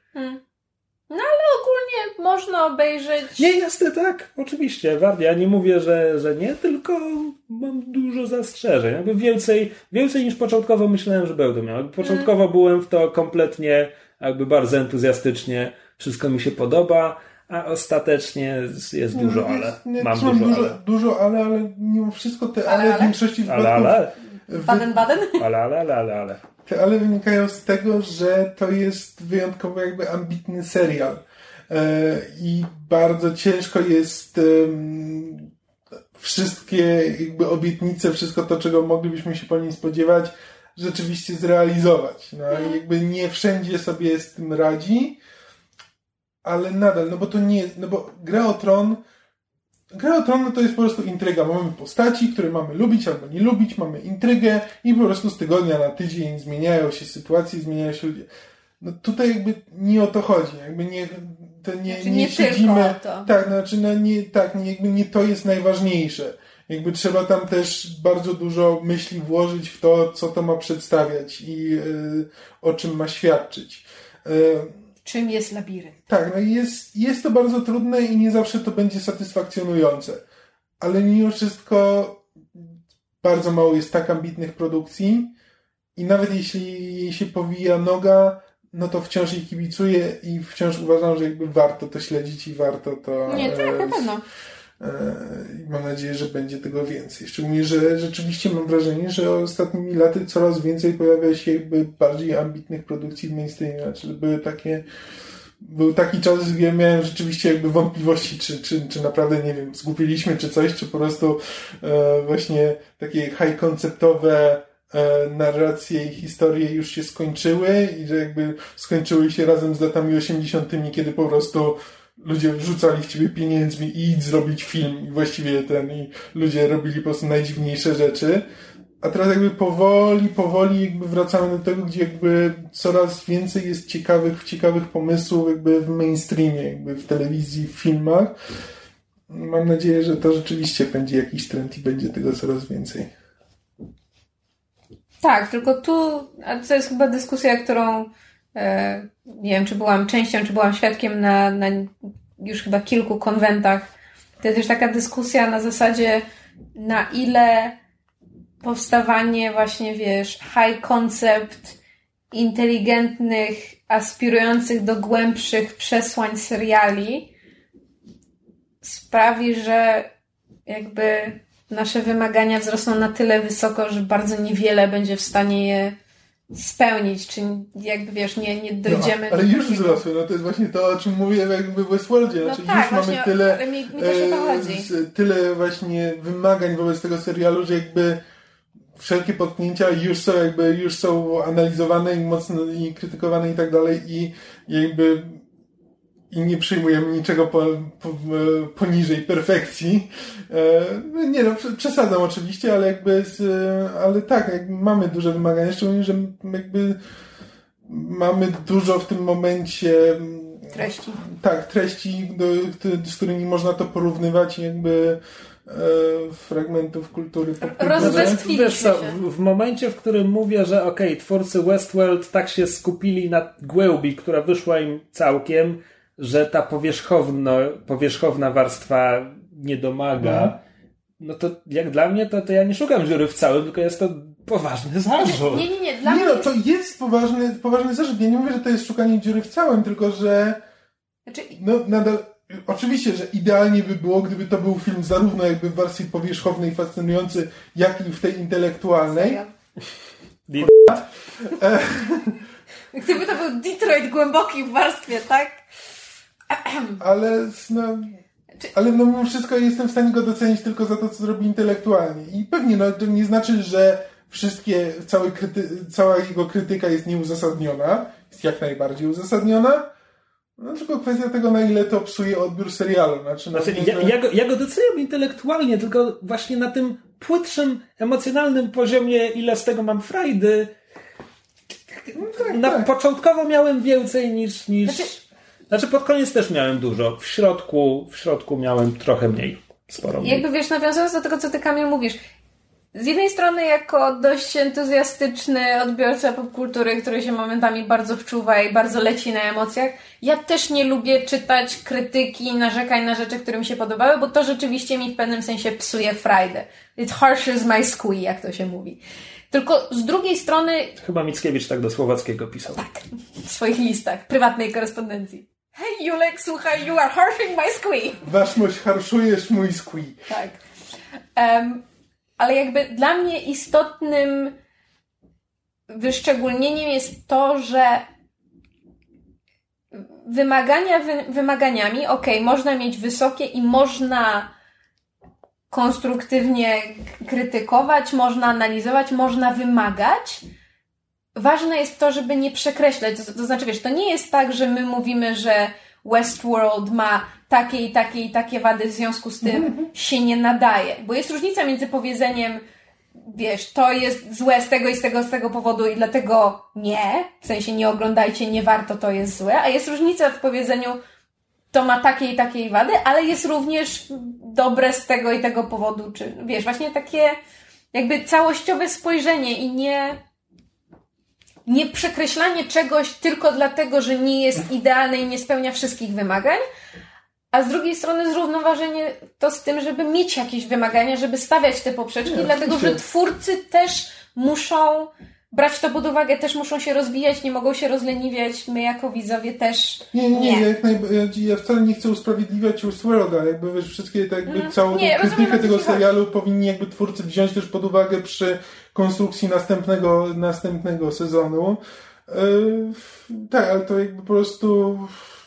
mm, Znaczy też mam. Znaczy, ja mam na przykład problem z, z recenzją zwierza. czekałam, aż do tego E, nawiążesz. Ja, Tam rozmawialiśmy wczoraj, jakby.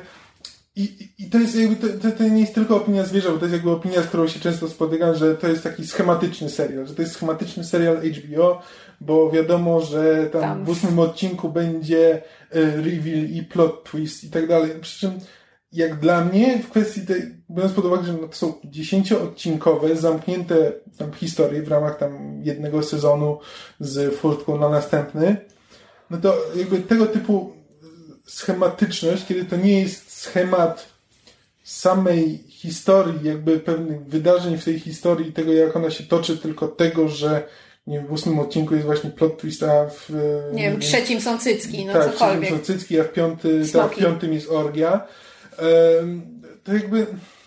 Znaczy to jest trochę tak jakby narzekanie na filmy, że no bo, no bo tutaj w, no w tym pierwszym akcie, no to okej, no poznajemy postaci, a potem w drugim jest rozwój fabuły, A a, w trzecim trzecim jest oczywiście tak, zakończenie. jest zakończenie i zamknięcie wątku. No to po cholerę ja mam to oglądać po raz kolejny. No to jest dziesięcioodcinkowy serial, zamknięty, który jakby trochę naśladuje budowę filmu, też ma pewną jakąś aktową strukturę, jakby pewne e, pewien rytm, którym podąża, gdzie jakby w pewnym momencie akcja musi przyspieszyć po to, żeby na następnym móc zwolnić.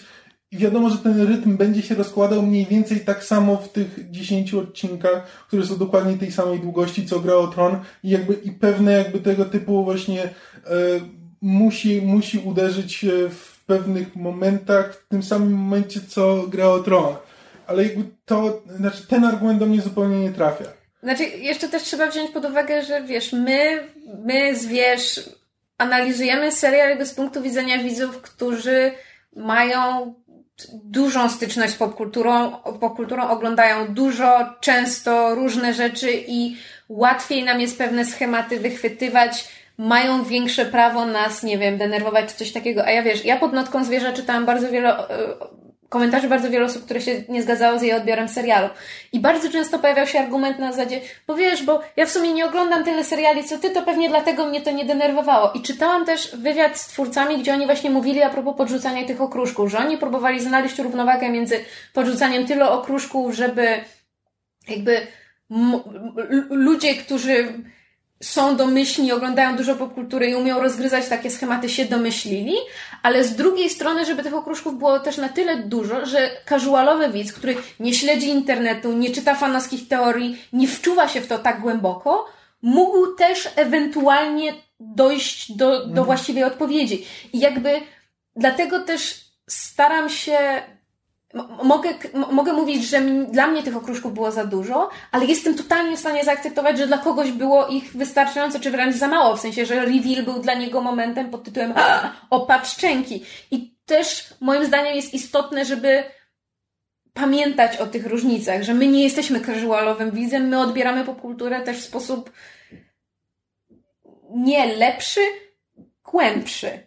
I nie mówię, że to jest lepsze, tylko po prostu mamy tendencję hmm. do analizowania, czy nawet tak, przeanalizowania tak, czasami. się właśnie tych punktów wspólnych, tych punktów stycznych. No, tylko, że to też jakby...